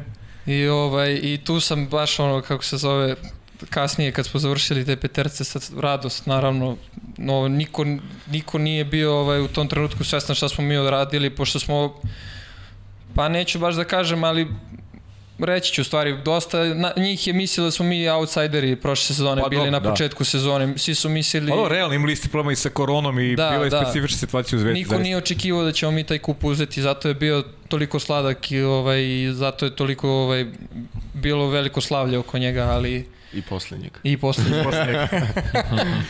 ali ovaj, da, posle toga su odmah u januaru smo odigrali regionalnu ligu. E, od Splita smo izgubili na Na peterce. peterce, da, da. Jadrana, da. Da, to, to smo izgubili na peterce, ali smo se isto vratili, gubili smo, čini mi se, pet golova razlike smo gubili tu utakmicu i onda smo je vratili u posljednjoj sekundi smo dali ovaj gol za izjednačenje. Mhm. I na kraju nam se nije dalo na petercima, ovaj, kako smo uzeli kup, tako nam je otišlo do finale Jadranske lige i ništa se, onda smo se fokusirali na dalje ovaj, e, drugu pol, polusezonu prvenstva i na Len Kup, da doguramo što dalje. To nam je bio cilj. Nije nam, nismo imali nikakav pritisak, nik, nik, nik, nik, nikakvog osvajanja ili bilo čega, samo što dalje momci možete da dogurate, to je to. Da, i super ste, odlična sezona, zaista polufinale Kupa Len, poraz od Solnog kasnijeg osvajača Da. i u prvenstvu realno jesu radnički Novi Beograd bili ovaj, kvalitetniji u tom trenutku, igrali finale. Čeka vas naredne godine kvalifikacije za Ligu šampiona. Svi su jači nego što je bilo prošle godine i Zvezda se pojačala. Verujem da su neke očekivanja vezana za Evropu da se pojavite na evropskoj sceni. Sad vidjet ćemo Liga šampiona, bilo bi super da Srbija ima i treći predstavnik u Ligi šampiona, pa ne znam kakve su, kakve su ambicije, kako gledaš u, u, u, u tom pravcu. Pa sigurno ćemo pokušati da, da, da se kvalifikujemo za, za Ligu šampiona, da prođemo te kvalifikacije, da, da, ovaj, da dobijemo što veći broj utakmica da pobedimo i da se kvalifikujemo. To je, to je sigurno ovaj, ali opet e, mislim da nas niko neće ovaj pritiskati da će nam neće nam niko stavljati teret na leđa. Uh -huh. S druge strane, vas dvojica, vas čeka Liga šampiona i imate obojica priliku eto da zaigrate na najvećoj sceni, to je prvi put da se susrećete, igrali ste kvalifikacije prošle godine, pritom vrlo dobro ste igrali te kvalifikacije. Ispali ste od Breša u toj, tom, toj završnoj rundi, Breša koji je kasnije možda čak mogao da osvoji titulu prvaka Evrope. Sad jedan, jedan opet novi iskorak u, u, u karijeri, a opet s druge strane imaćete i ozbiljnije rivale na domaćoj sceni, ne samo Novi Beograd, već i Crvena zvezda i Partizan koji su jači, Vojvodina Šabac koju ne smemo da zaboravimo. Kako vas dvojica gledate generalno na, na sezonu koja sledi i sigurno će vam mnogo pomoći na, na, na putu afirmacije, jer to ono što pričam, to 95. godište, posljednji svetski šampioni, oni nisu imali tu vrstu privilegije kao što i vi imate da igrate sa, sa jakim igračima srpskim i da igrate jaka takmičenja. Ti nisi igrao Ligu šampiona pre, ne, ovo će ti bude prvi put. Mm, pa isto kvalifikacije. Kvalifikacije, samo, kvalifikacije samo, da. si- Da, da, da, da, kvalifikacije, ne ligu, da. Pa da, ovo što si rekao, mislim da je ovo jedna velika privilegija i da imamo u jednu ruku sreće, mislim sreće, možda je to i sudbina da se zadesilo baš sad kad smo mi, tako reći, između ovog juniorskog i seniorskog staža, da je stanje u srpskom vaterpolu nikad bolje u zadnjih, ne znam, deseta godina. Tako da imamo sreće, to a na nama je sad da se dokažemo u toj Ligi šampioni, naravno bit će uspona i padova, prvi nam je put da igramo tako nešto, ali nadamo se najboljem, pa ćemo sad vidjeti. Da, ali ove utakmice što, što slede, mislim, ja gledam po prethodnoj sezoni, za mladu igrača imati jake utakmice, to, ja mislim da je to nešto, to je zlata vredno. Mm -hmm. Tad se najviše i napreduje, koliko se greši i na greškama se najviše i uči, to je činjenica. Mislim, na, najteže je na svojim greškama. Najbolje bi bilo kad bi mogli svi na tuđim greškama da učimo, Jest, ali jest. ali uvek se na kraju ispostavi da su to neke lične greške na kojima moraš da naučiš, uh -huh. a igrati jake utakmice sa, u ovakvim godinama, dobijati tako iskustvo, to je nešto što za mladu igrača možda najpotrebnija stvar. Pored naravno treninga gde u bazenu imaš neke veličine kao što ćemo imati ove sezone, pa Da, evo bi recimo u radničkom Ćuki Vrlić su došli dva velika igrača tako da eto i tu imate negde Da, da. imate na koga da se ugledate definitivno i to je jedno jedan veliki onako Sama njihova pojava pored nas je dodatna motivacija kad znamo samo njihova imena, ništa drugo. Jeste, jeste. Ovaj, ajde pre nego što vas prepustim Sariju još jedna samo stvar. E, bukvalno sada silazim sa scene, bit ćete verujem opušteniji sa kad dođe Sara. Ovaj, olimpijske igre. Verujem da je mi to dao, dao neki, neki onako veter u leđa ovaj, Tokio, nešto što ćemo da pamtimo zauvek. Vi koji učestvujete u Waterpolu, koji ste igrači, mi koji volimo Waterpolo, generacija koja je sišla sa scene, opet olimpijsko zlato, vezano olimpijsko zlato, da, negde opet obavezujuće za vas da, da nastavite tim putem i koliko mi je bio to zamajac neki pred, pred pripreme za, za ovo što se dešavalo u Pragu? Pa, malo motivacija, malo pritisak. Bilo je Aha. tu i komentara, sad imate na koga da se ugledate, imate cilj i sve uh -huh. to. Mislim, cilj uvek imamo, naravno, to je zlato, ali komentari poput evo, da vidite kako treba, da. uvek je to teško, ali stvarno to, to je motivacija. Vidite te momke da dižu olimpijsko zlato, još kad znamo da smo s tim momcima igrali poput Strahinje kao Marko mm -hmm. i ja, mm -hmm. znati da taj momak koji je do juče bio s nama u bazenu je digao to olimpijsko zlato, to je tako motivacija za, za napredak, samo da želimo još više, još bolje, još jače. Mm -hmm. Stvarno je jedna velika motivacija. Vlado? Pa naravno da, kako se zove... Je to san neki olimpijski igre jednog dana? A? Pa naravno, to je, ja mislim, san svakog sportiste, svako, svako ko teži da jednog dana postane profesionalni, pravi profesionalni sportista, da podine zlatno na olimpijskim igrama. To što mhm. su naši momci uspeli dva puta za redom, neverovatan istorijski uspeh, to je san, ja mislim, stvarno svakog profesionalnog sportiste. Mm -hmm. Svako ko, ko teži ka tome da, da postane jednog dana. Marko? Pa ništa, mi smo imali čast svakako da smo bili na tom dijelu mhm. priprema na, na tom njihovom, e, da kažem, malome dijeliću puta i to su pre svega jedni vrhunski profesionalci. Kad ti misliš da si ti profesionalac, onda dođeš s njim, onda tek vidiš koliko si zapravo ništa i koliko ništa ne radiš kako treba i tu imamo, imali smo sreću, ovo što je rekao Stefan, da smo igrali sa Strahinjom, izvaretan momak pod broj jedan vrhunski momak koji će ti, on se postavlja prema tebi kod da je on mlađi. Znači, on će tebe mhm. poslušati što god da ga pitaš, šta god da ti treba reći, pomoć, znači šta god, od prve do zadnje stvari.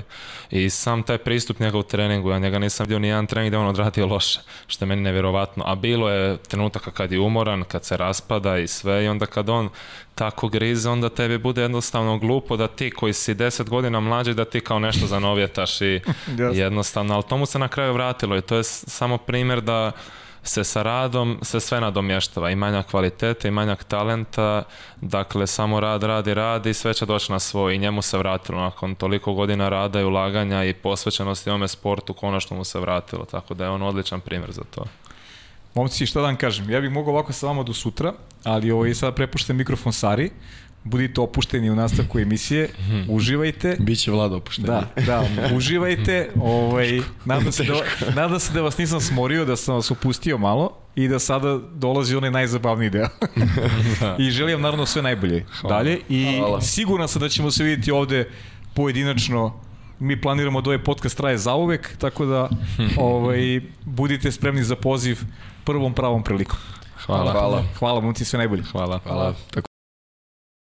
E, dobar dan i od mene. Evo, pridružujem se naravno čestitkama e, našim momcima. E, čestitam vam na ovom zlatu. Stvarno ste uradili nešto što, što će ostati zabeleženo i nadam se da ćete u ovom ritmu negde i da nastavite sa vašom reprezentativnom karijerom prvo, a onda zatim i klubskom.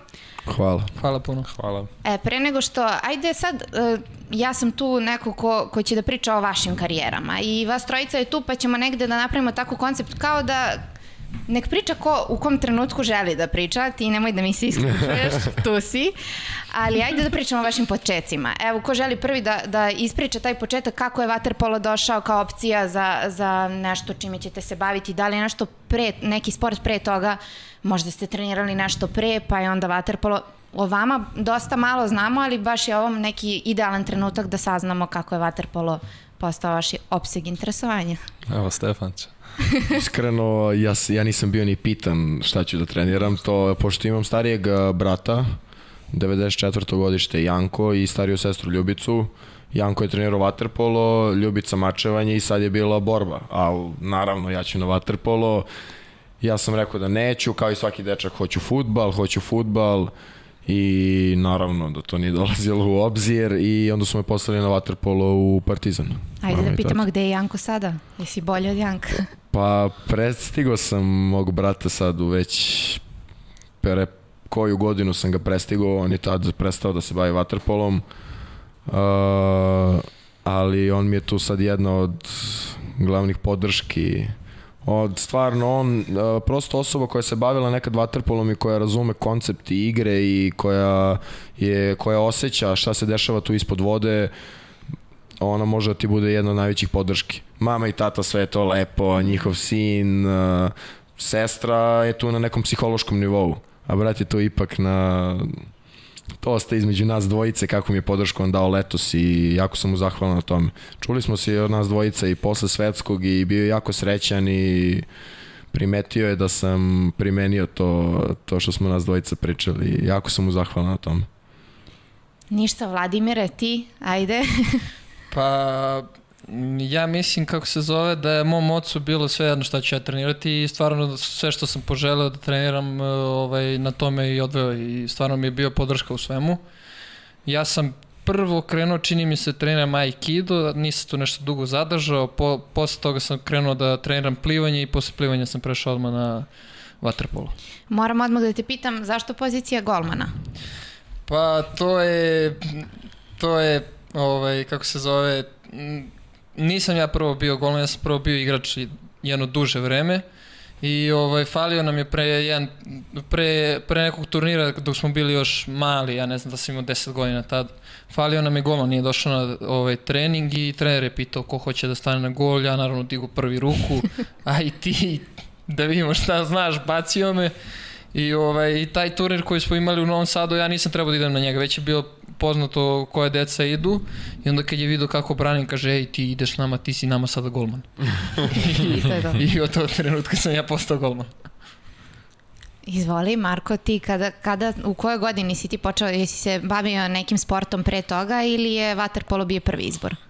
Pa jesam, ali vrlo kratak period. Bavio sam se karateom par mjeseci i onda poslije toga košarkom, ali nisam se nešto, nisam se nešto pronašao u tim sportovima, pa sam se odlučio na vaterpolo. Isto čisto slučajno. Otvorio se taj novi bazen u Rijeci, taj novi olimpijski bazen išao sam sa svojima na kupanje, ja sam tamo nešto skakao, zezao se, nisam izlazio iz vode, malo se davio tamo po bazenu, ronio. I poslije toga nešto presvukli se ovo ono nešto pričamo, penjamo se mi gore i tamo su stajali let, letci tad za upis i ankete i mi smo ništa pozvali taj broj, pitali da li primaju još djeca, taman je bio taj period negdje oko devetog mjeseca da se upiše i eto ja ni kriv ni dužan završio u sportu. Dobro, ajde da, da se negde dotaknemo um, toga. Vi ste svi relativno mladi krenuli u sve to i negde sigurno sam da tada niste imali u planu da, da vaterpolo, da se bavite vaterpolom u životu. Kada ste postali svesni toga da će vaterpolo negde biti vaše zanimanje definitivno? Pa to je neki period srednje škole, jer moji roditelji su bar od uvek insistirali na tome da i škola i sport budu uporedo i već u srednjoj školi moralo je da se prevagne na jednu ili na drugu stranu. Naravno, prevagnulo je na vaterpolo, ali je škola ostala tu da se, da se bavim njom i dalje. Nije to sad ostavljeno po, totalno sa strane. Ali po, pošto su počeli već ozbiljni treninzi, dva put dnevno, odlasci na bazen, Uh, nisam mogao toliko da pristujem časovima, pa na kraju četvrtog godinu sam išao vanredno kad sam prešao u Kragujevac. Tako da sam tada završio, ali tako neka druga, treća, srednje, druga, treća godina srednje škole. Je li kod vas ista situacija ili... Pa ista, ista situacija, samo što su meni stvarno izašli u, u srednjoj školi u susret i nisam morao da idem vanredno, ovaj, dopuštali su mi da idem na treninge stalno. Dobro, ti si, u koju srednju školu ste završili, ajde i negde? i Ja to- sam završio ekonomsku zemunu, ali kad je već vlada spomenuo, naravno ne mogu da kažem i u mojoj školi su mi maksimalno izla- izlazili u susret i i moja razredna pogotovo, evo sad ovom prilikom da je pozdravim, čestitala mi je bila stvarno i ona mi uvek čestite na nekim uspesima i to je stvarno predivno od nje i ne mogu stvarno da kažem, svi, svi u školi su mi izlazili u susret. Iako nije bila sportska, jer uglavnom Da, su da, da, sportisti da. od predale za sportsku, ja sam se opredelio za ekonomsku zemunu i stvarno su imali razumevanje za mene maksimalno. Vladimire, ti si završio E, Hemijsku školu u Panču. hemijsku. Marko? Hoteljersko, turističko, privatno. Ma dobro, pa bitno je da, da ste negdje izgurali taj, taj trenutak da su da izgurate to obrazovanje. Sad, ne znam da li da vas pitam da li ste dalje nastavili sa školovanjem ili vam je to možda opipljiva tema i dalje? Vlada i ja smo sad odmah posle svetskog se bacili na posao da završamo fakultet koliko možemo da, Da, da. uhvatimo i mi, nas dvojice smo zajedno na ovom fakultetu za Unionu, Da, da. za, za sport. I baš smo juče smo bili na fakultetu, završavali koliko smo mogli, koji profesori sam dali da radimo ispite, da dobijamo ocene. Tako da mi smo nastavili Ajde kad smo se dalje. već dotakli toga da vas pitam koliko je teško uskladiti um, i koliko je teško pronaći negde pa slobodno vreme za sebe, jer to negde imate dva puta treninge dnevno, da li je to bilo tako u, u tim mlađim, mlađim generacijama, da li ste uspevali negde da nađete i te trenutke da, da uživate u tim mlađim danima? Mislim, mladi ste i dalje, niste daleko od toga da nemate vremena sad za sebe, ali ajde da pričamo o tome o tim mlađim kategorijama? Pa iskreno ne baš. Mislim, ja sam tu svu sreću zabavu nalazio na bazenu, tako da meni je to bio to slobodno vrijeme. Ja sam provodio na bazenu, pošto sam već, ja sam se prebacio privatnu odmah prvu godinu, odmah prvu godinu srednje škole, jer je to bila ona klasična priča, svima je kao škola je na bazenu, kao ti pričaju, škola je na prvom mjestu, ali nemoj propuštati treninge kao zbog škole, naravno. I onda sam se ja već tada odlučio sa 14 godina, 14 i po točnije, da će to biti moj posao i da će se tome posvetiti maksimalno, a škola treba se završiti naravno i završava se, sad ću ove godine isto oktobru upisati isti taj faks, ali to je sve išlo malo sporijim tokom. Nešto žrtvuješ da bi negdje dobio, tako da ti se uzajamno vraća. Tako da malo je bilo slobodnog vremena od 14 te godine, dva put dnevno treninzi, pa seniorske lige, pa lijevo, pa desno, tako da Možda ma- dva put godišnje po 5 dana. To je Da. to, oko nove godine. Ove, ove nove godine ne znam da li ćemo imati možda 3 dana. Mi imamo 23. decembra utakmicu i 11. januara utakmicu. Dva, tri dana i dosta. I leti isto, dva, tri dana. Ko ovo leto smo imali, eto, koliko? Šest dana slobodno. Šest dana. Ma da će Kembe 5-6 dana. Daći, daći. Preko veze. Evo, utičemo na to, da. Evo. da. Preko Ovim, kamere. ovim, ovim, ovim putem ga molimo da izađe u susret. Da odemo do kući, da vidimo sve. Iako ste mladi, da li ste u nekom trenutku bili na nekoj ivici da eventualno odustanete od svega toga, s obzirom i na obaveze i na baš malo slobodnog vremena? Pa ja iskreno nisam bio u takvoj situaciji. Prosto znao sam da ću se bavim vaterpolom, u jednom trenutku je to prevagnulo totalno na tu stranu i nije bilo takvih pomisli. Isto. I ja, ovaj, kako se zove, ni- nisam stvarno imao taj trenutak da prestanem se bavim ovim sportom i nadam se da ću se baviti i dalje. Ne, ne, nije bilo razloga stvarno, da. Ajde da se osvrnemo na to neko standardno pitanje, ko su vam bili uzori u tim mlađim danima? Bolje vi pričate o ovome, ja... Ja sam Ne? ipak neko ko nikad nije imao uzora. Prosto, ne znam, nikad nisam odrastao na taj način da... A od koga si najviše naučio? Od svakog po nešto malo pokupim i to je bio način neki na koji ja prikupljam, na, na, na neki način na koji ja gradim sebe. Od svakog pokupim po nešto najbolje što se meni sviđa, po nešto dobro. Ono što vidim da je loše, to, to ne uzimam za sebe. A nekog idola, nekog svog, neku svoju ličnost na koju sam se ugledao, stvarno nikad nisam imao.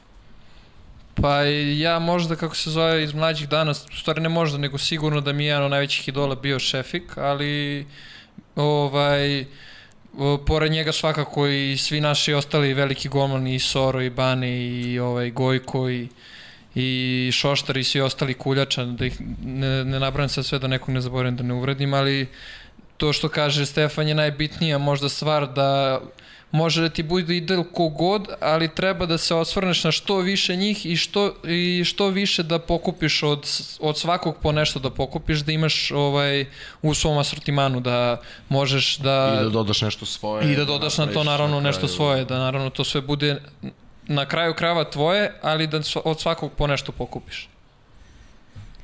Marko, ti? Pa ja sam imao da kažemo dva idola. Prvi je Samir Barać, a drugi Aleksandar Šapić. Barać zbog tog nekog pristupa i zbog, kako se zove, tog nekog odnosa prema treningu i svemu, a Aleksandar Šapić zbog svog načina igre, zbog svoje pojave, zbog svih karakteristika koje su ga krasile i zato što je bio jedan od najboljih igrača na svijetu. E, dobro, sad ću da vas pitam, da li vi osjećate e, negde pritisak s obzirom i na smenu generacije i sve to što, što i vi ste svedoci toga da, da je otišlo sedam igrača, čini mi se, iz ove seniorske reprezentacije, pa sad naravno da se priča o tome da će definitivno iz juniorske reprezentacije ste vi na, na samom tom nekom prelaznom, u tom nekom prelaznom periodu e, da li osjećate pritisak zbog svega onoga što je pre, e, postigla prethodna generacija, da li negde se potajno i nadate i očekujete da ćete biti u, u toj seniorskoj selekciji i koliko je zapravo teško negde pa dostići taj nivo koji su oni imali. Nećemo pričamo o tome da ste vi bilo čija zamena, vi ste neki novi duh srpskog vaterpola i nadam se da ćete biti, dostati ili na tom nivou ili čak podići vaterpola na viši nivo, ali iz vaše perspektive kakav osjećaj imate sad? Pa činjenica je da su oni jedna neponovljiva generacija i da su to stvarno igrači koji, čije će imena ostati upisano u Waterpolu. To, Waterpolo kao generalno sport, kao što se u futbolu spominje taj neki Messi, Ronaldo, tako će se ti igrači spominjati u Waterpolu i to će uvek biti ta igrač je uradio to i to, on je bio takav, on je radio to perfektno. Sada to stvarno stavlja jedan određeni deo pritiska na nas, ali sam poziv za reprezentaciju je velika čast i mislim da je to stvarno naj, uh, najveći cilj koji jedan igrač može da ima, da predstavlja svoju reprezentaciju na nekom evropskom, svetskom olimpijadi. Sad, da li to mislim da treba da ostavimo za taj period, da znamo, da vidimo da li ćemo moći, nad, svi se nadamo da ćemo moći, radit ćemo naravno da, da, da uspemo još više, ali to, to ne možemo sada da znamo. Da li ste i vas dvojica pod, pod tom nekom tenzijom i pritiskom samih uspeha naših senjorskih reprezentativaca? Pa u, u nekom smislu da, ali e, mislim nemamo mi još taj pritisak jer mi još uvek težimo i radimo ka tome da mi prvo ovaj, dođemo do, ne, do njihovog nivoa pa onda tek da da pokušamo mi jednog dana nekog da prestignemo. Mi, mi smo daleko od njihovog nivoa i dalje mi trebamo još mnogo i da radimo i da i na nama još dug, dug put da bi mi došli na došli prvo do njihovog mesta i ako i kad budemo uspeli da dođemo na njihovo mesto i ako jednog trenutka uspemo da ih prestignemo. Marko, ti, ti si godinu dana, je li tako? Ima već godinu dana kako si u tom reprezentativnom sastavu. Kako si se uklopio u ekipu? Pa iskreno jako dobro, osjećam se baš ko da sam ovdje cijeli život, tako da kažem. Ugodnije se ovdje osjećam Svi godinu... gotivimo. Ugodnije se ovdje osjećam godinu i po dana nego tamo što sam proveo 7-8 godina u reprezentaciji. Nekako ovdje osjećam se ko da je ovo moje, što i jeste, i ko da sam ovdje proveo cijeli život. Totalno ne vidim ni jedne ni jednu razliku ko da sam tek došao sad prije godinu i po dana. Pričat ćemo i o tom prelasku uh, tvom i, i tom uh, reprezentativnom, u toj reprezentativnoj karijeri, kako tamo, tako i ovde. Uh, vratit ću se na tebe, Stefane. Zanima me uh, kakav je će biti kapitan uh, ove reprezentacije se, juniorski? A možda i seniorski, kad sam već rekla, ajde nek ide. nek bude samo juniorske, polako za seniorsku.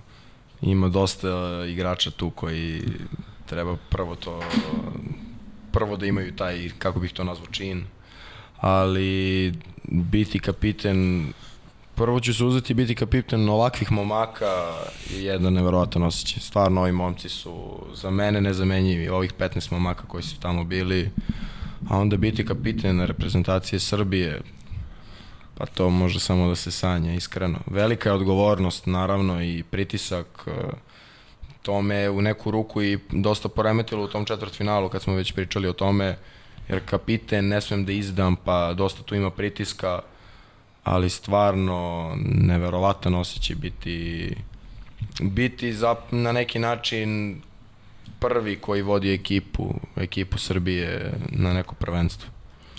Što se tiče tvoje klubske karijere, ti si bio prvo u Partizanu, zatim si prešao u Radnički. Ako se ne varam, da. to je to od uh, klubova. Uh, kako bi ti prokomentarisao tu Partizanovu školu? Uh, kako ti je bilo tamo i kako je došlo do odluke da pređeš u Radnički iz Kragujevca? Ja sam bio u Partizanu, ja mislim, osam ili devet godina, iskreno ne znam, uvek mešam i koliko dugo treniram i koliko sam bio u Partizanu, ali mislim da je tako oko devet godina. Uh, počeo sam tamo u Partizanu i to je, mislim da smo mi jedna od po, poslednjih generacija koja je zahvatila taj uh, sistem treniranja da iz godine u godinu prelaziš kod određenih trenera u određene generacije, pa malo bolje idu starije, pa se tu uvek rotira, malo loši se vraćaju u svoju generaciju, pa tu imaju uvek neka putovanja, neke razmene, neke utakmice, jer i mlađim kategorijama smo s Partizanom išli na dosta turnira, dosta razmena. Ja se sećam, pa mi smo sa 12, 13, 11 godina, veoma često, čak dva put, tri put godišnje imali razmenu sa, na primjer, Mađarima. Idemo kod njih kući, pa tamo 7 dana treniramo, igramo, pa onda oni dođu kod nas, pa bili smo u Atini, na primjer, u Uljagmeniju 7 dana, pa su onda oni dolazili kod nas. Tako da, ta Partizanova škola, taj sistem koji je bio tamo, prelazak od trenera do trenera, da te, zato što svaki trener tamo te nauči nešto. Jedan trener te nauči kako da preneseš energiju, da budeš srčan, jedan trener te nauči tehniku, drugi te nauči šut, jedan kod jednog naučiš da moraš da plivaš, ali sve je to tako bilo usklađeno, ceo taj sistem, svaki trener je bio tačno za određenu generaciju stvoren da bude na toj poziciji i samo ta Partizanova škola, mislim da je to nešto što je zapravo pre bilo oslonac te reprezentacije srpskog vaterpola naravno, cela ova situacija s Partizanom mene lično pogađa jer ja sam Partizanovo dete i ne volim to što se dešava, ali naravno ide bolja, deš, ide bolja situacija, dešava se, bit će bolje i to mi jako drago da čujem. A onda u jednom trenutku prosto bio sam na ili ili. Ili ostajem i ne znam šta će biti, ili idem kod Uroša, prosto ja sam uvek znao da je on dobar trener i majka i otac su mi to govorili i ubeđivali su me da treba da idem, pa sam se nečkao, pa hoću, neću, pa sam odlučio da hoću, pa sam onda odlučio da neću opet, pa da, to je bio baš rat u kući, šta će, kako će, ali na kraju je prevagnulo da hoću i stvarno kad sam rekao da hoću i Jugoslav i Uroš su se su stali na stali za mene, rekli su ok, sve ćemo da sredimo, nema ništa da brineš, stvarno tako je bilo, sve su učinili da, da ne osetim nikakve neprijatnosti, došao sam tamo i stvarno od tog trenutka sve je krenulo samo na gore i večno sam im zahvalan za to. Ne planiraš kući da se vraćaš, vidim, tebi je super u Kragujevcu, u Šumadiji, ma nema lepše nego tamo. To je prvi trenutak da ti odlaziš od kuće, pa sad kako se snalaziš u tom trenutku? Sam si prepušten sam sebi? Pa, burno. samo od kuće, nema mame i tate, nema ničeg. Ali dobro, mislim da je to samo jedan period sazrevanja koji treba svako da prođe. Prosto normalno je da u jednom trenutku kad odeš od kuće želiš sve da i prosto imaš odjednom neograničenu slobodu i ne znaš da ne znaš da i iskontrolišeš da ne bi rekao neku glupu reč na engleskom bolje na srpskom, ne znaš da se iskontrolišeš u tolikoj slobodi.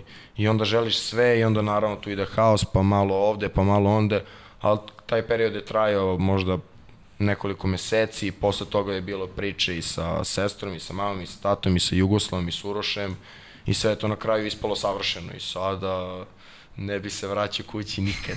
Samo odem da ih posetim, da vidim kako su. To je to. Dobro, Vladimire, ti si u Zvezdi od početka i dalje si tu, nisi nigde išao ako se ne varam. Ajde ti nam ispričaj malo o toj zvezdinoj školi, kako ti to iz tvog ugla vidiš? Ja sam došao iz, prvo iz Panča, u Panču da. sam počeo karijeru pa sam došao ovaj, u Zvezdu. Zaboravila si. Da, a rekao sam da ću se setiti, ali dobro, nema veze.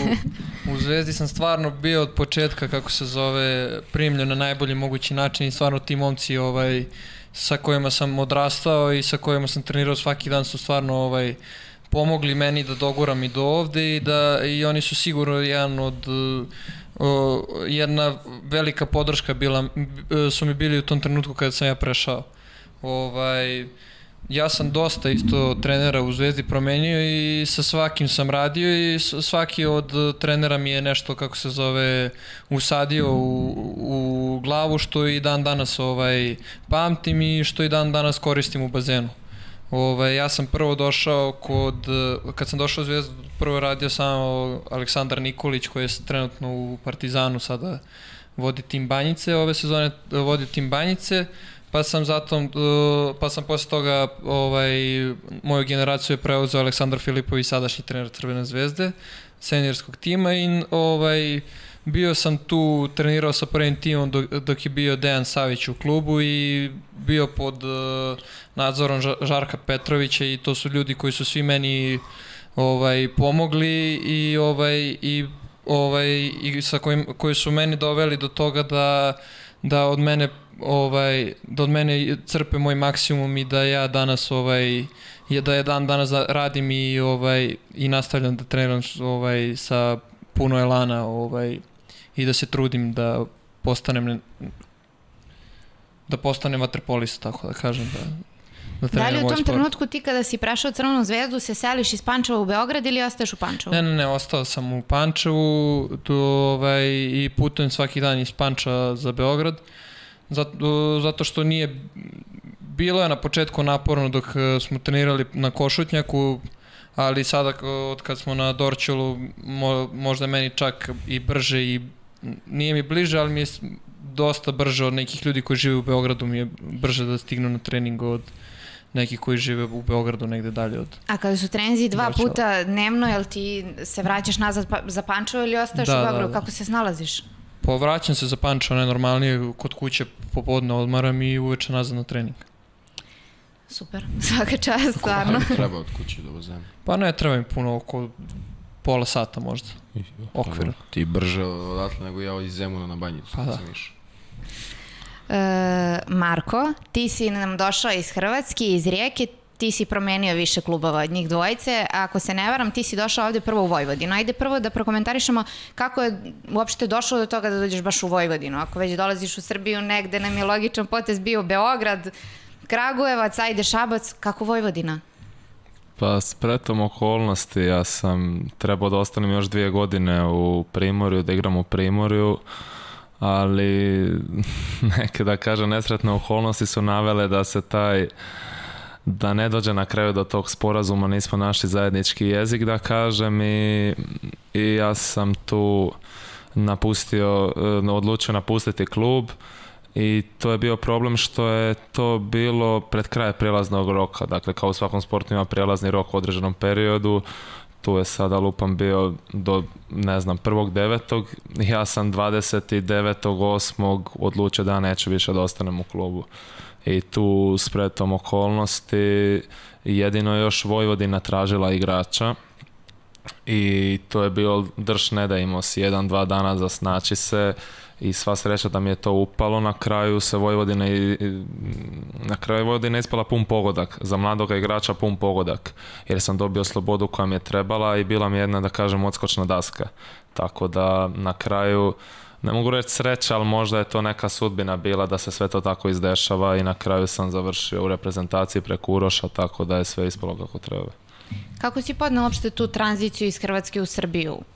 Ti si posle toga i ostao ovde. Da li ti je bio plan da ti ostaneš ovde ili si negde rekao idem pa ako mi se svidi tu ću ostati, ako ne vraćam se nazad. Koji, koji si plan u tom trenutku imao?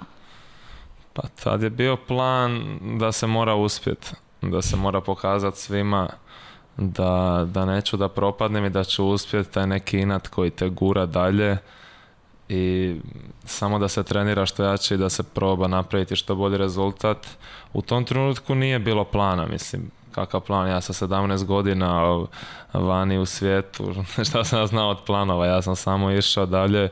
Tu je bilo stvarno isto puno ljudi koji su mi pomagali, davali savjete, neki dobro namjerno, neki neću da kažem, ali to sam tek kasnije shvatio ali tu je bio Uroš od samog početka, ja sam tu jako puno već pričao s njim u Vojvodini dok sam bio i moj trener prvi Darko Bilić koji me u Vojvodini koji me spojio s Urošem e, mislim da pa ne znam da kažem to je bilo to je bila jedna dobra odluka za Šabac dalje, to je već isto duga priča.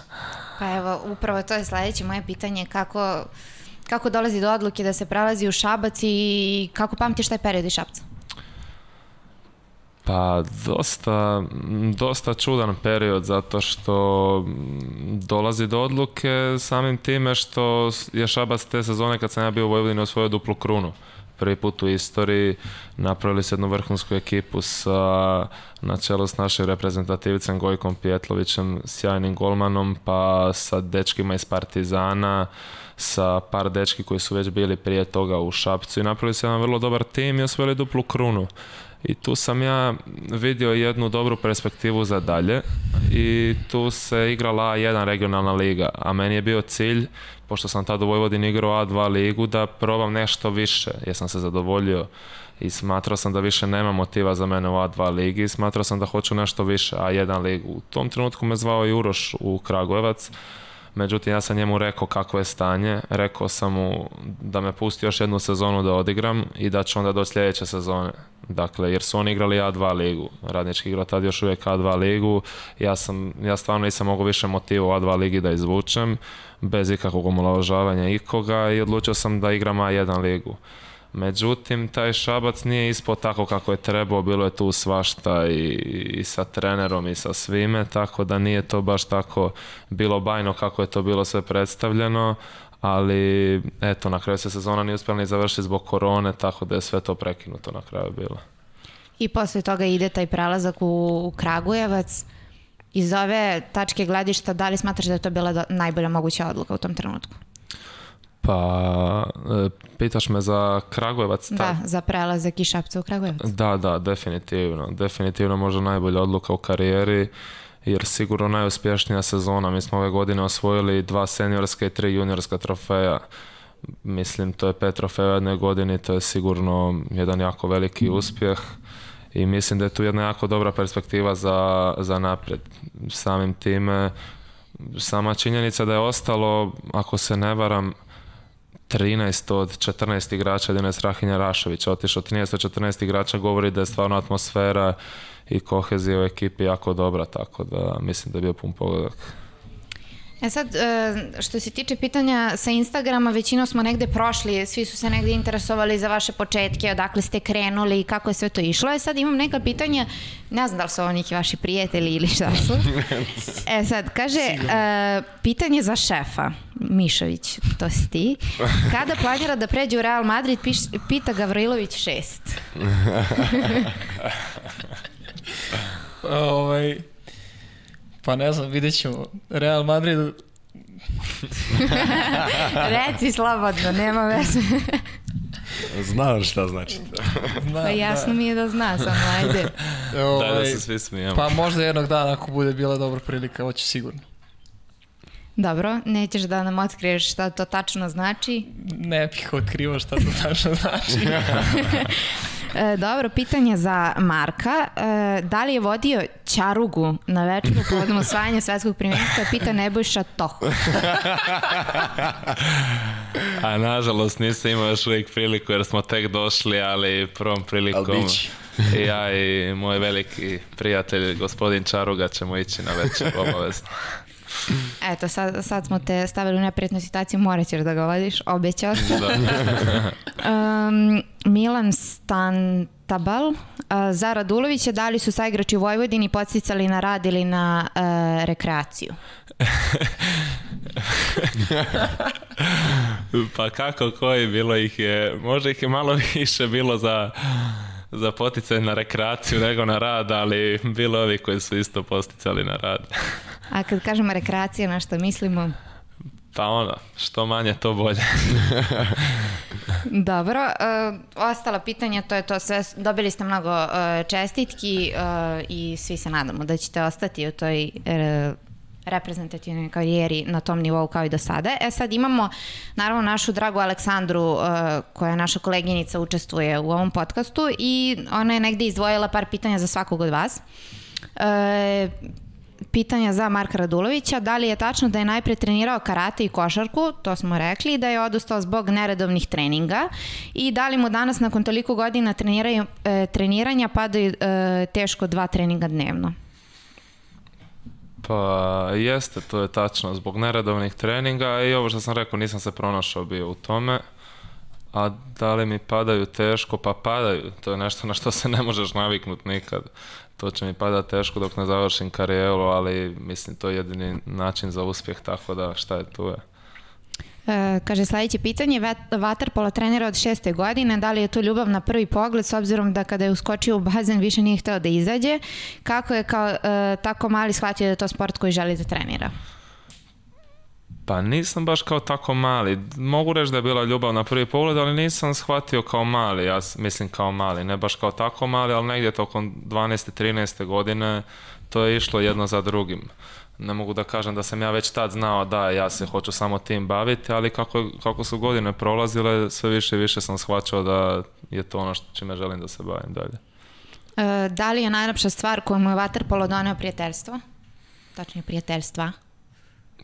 Pa jest, jest, jeste, mogu reći da jest, da. E, kakvi su mu utisci o Novom Sadu s obzirom da je po dolasku iz Rijeke tamo boravio kod ujaka i tetke, koliko mu je upravo podrška ujaka i tetke bila dragocena po dolasku u Srbiju?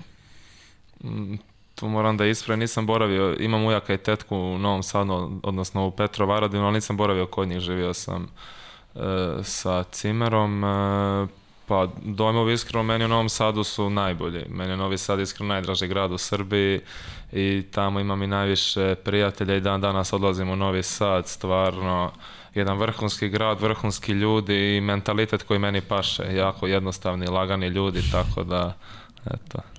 E, s obzirom da je rođen kraj mora, koliko mu je teško bilo da se usri, usidri i boravi na kopnu?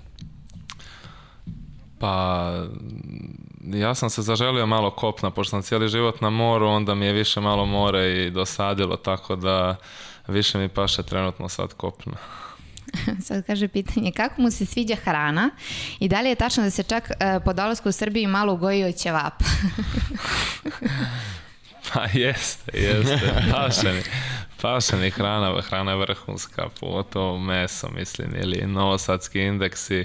I jeste, ugojio sam se bio, ugojio sam se bio par kila, ali sad vodimo ljutu bitku, ja i kile. Pa dobro, to je negde bitka sa svim vaterpolistima, rekla bi volite da jedete dobru hranu i... Jeste, jedino samo mi to Mi što manje treniramo, mi mršavi. Za Miševića ništa, rekli smo, sa 10 godina si ti počeo da treniraš, je li tako? Um, pitanje je da li je tačno da e, nije bio golman odmah, to smo rekli, na jednom turniru nisu imali golmana, pa je on stao na gol i tu i ostao. To, da. to smo negde absolvirali, jeste. E, kažu da nije građan za golmana, ali je on uprkos tome sjajan. Da li je on primer da ne treba generalizovati i da se uprko nekim uverenjima koje se podrazumevaju može uspeti? Pa sad, teško je to pitanje baš za mene. Ovaj...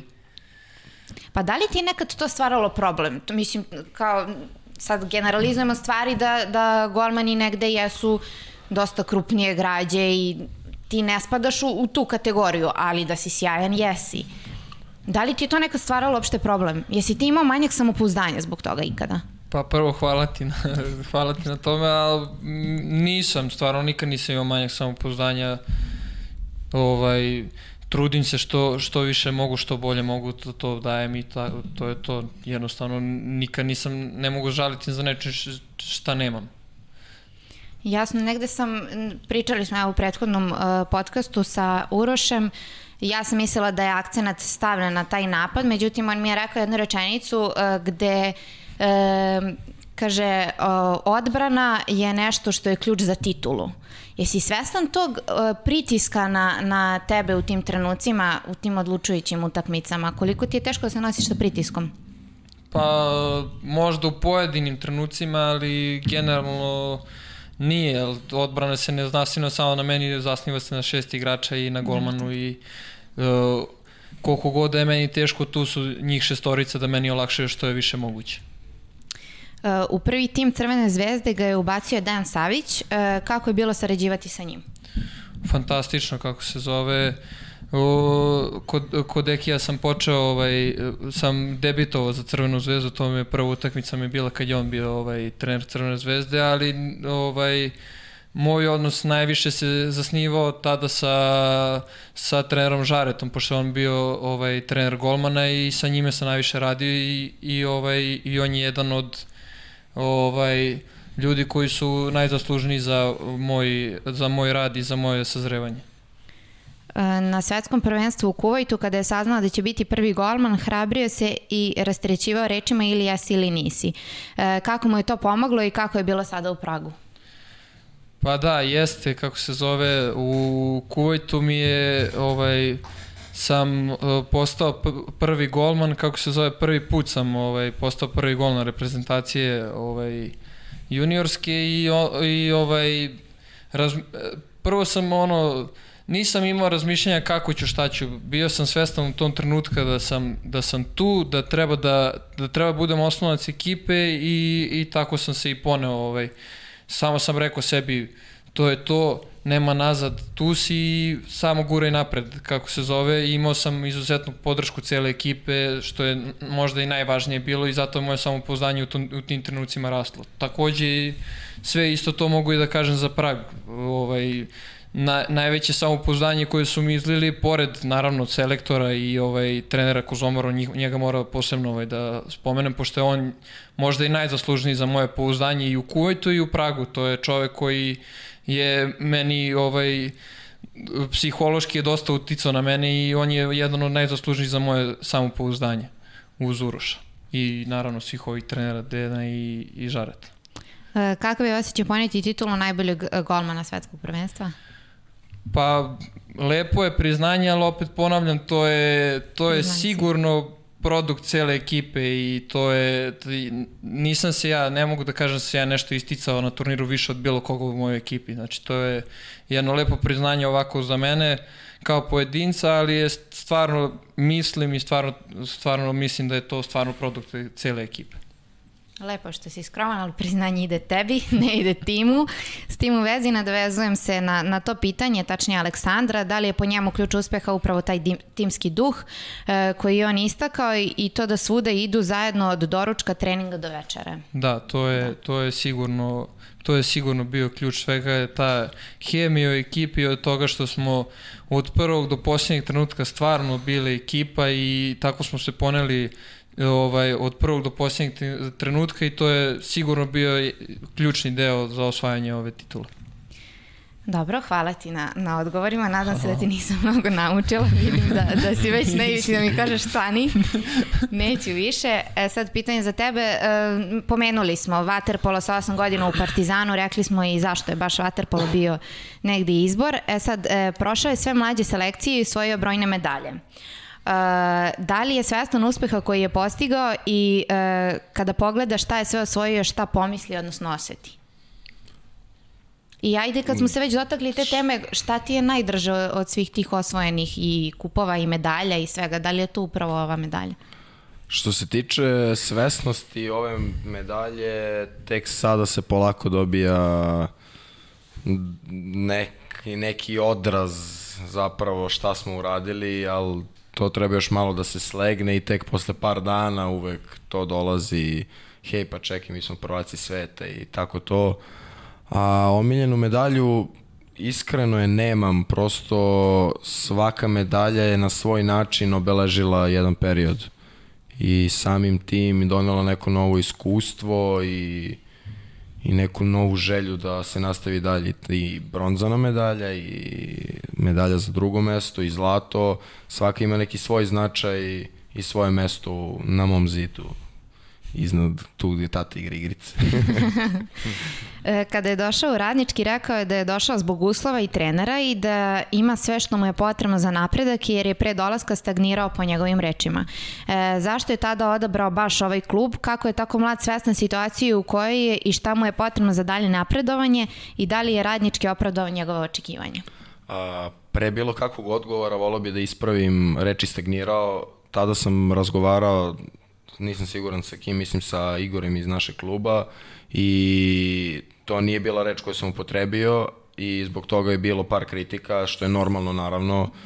Uh, nisam stagnirao, ali samo sam uh, rekao da prosto za napredak igrača neminovni su uslovi kakve, kakve imamo u radničkom. Imati teretanu u periodu u kom ti treba, u bilo kom periodu ko ti treba, sprave u teretani da, da one da su ispravne, da mogu da se koriste, da budu slobodne, topla voda, termini kad ti trebaju, koliko god ti treba termina, mislim da je to prosto neminovno za napredak mladog igrača što se tiče ispunjenja, naravno da su uslovi, da su očekivanja ispunjene. E, moram sad svu trojicu da vas pitam, uh, da li imate neke tendencije ka tome da, da odete iz Srbije, da negde preko trenirate, bilo da je Mađarska, Italija, e, stalno pričamo o tome da, da vaterpolisti većinski e, pogotovo u seniorskim uh, tim selekcijama su negde vani i da sam Dejan Savić je istakao to da ima problem sa, sa samim pripremama zbog toga što vaterpolisti nisu kod nas nego su negde preko.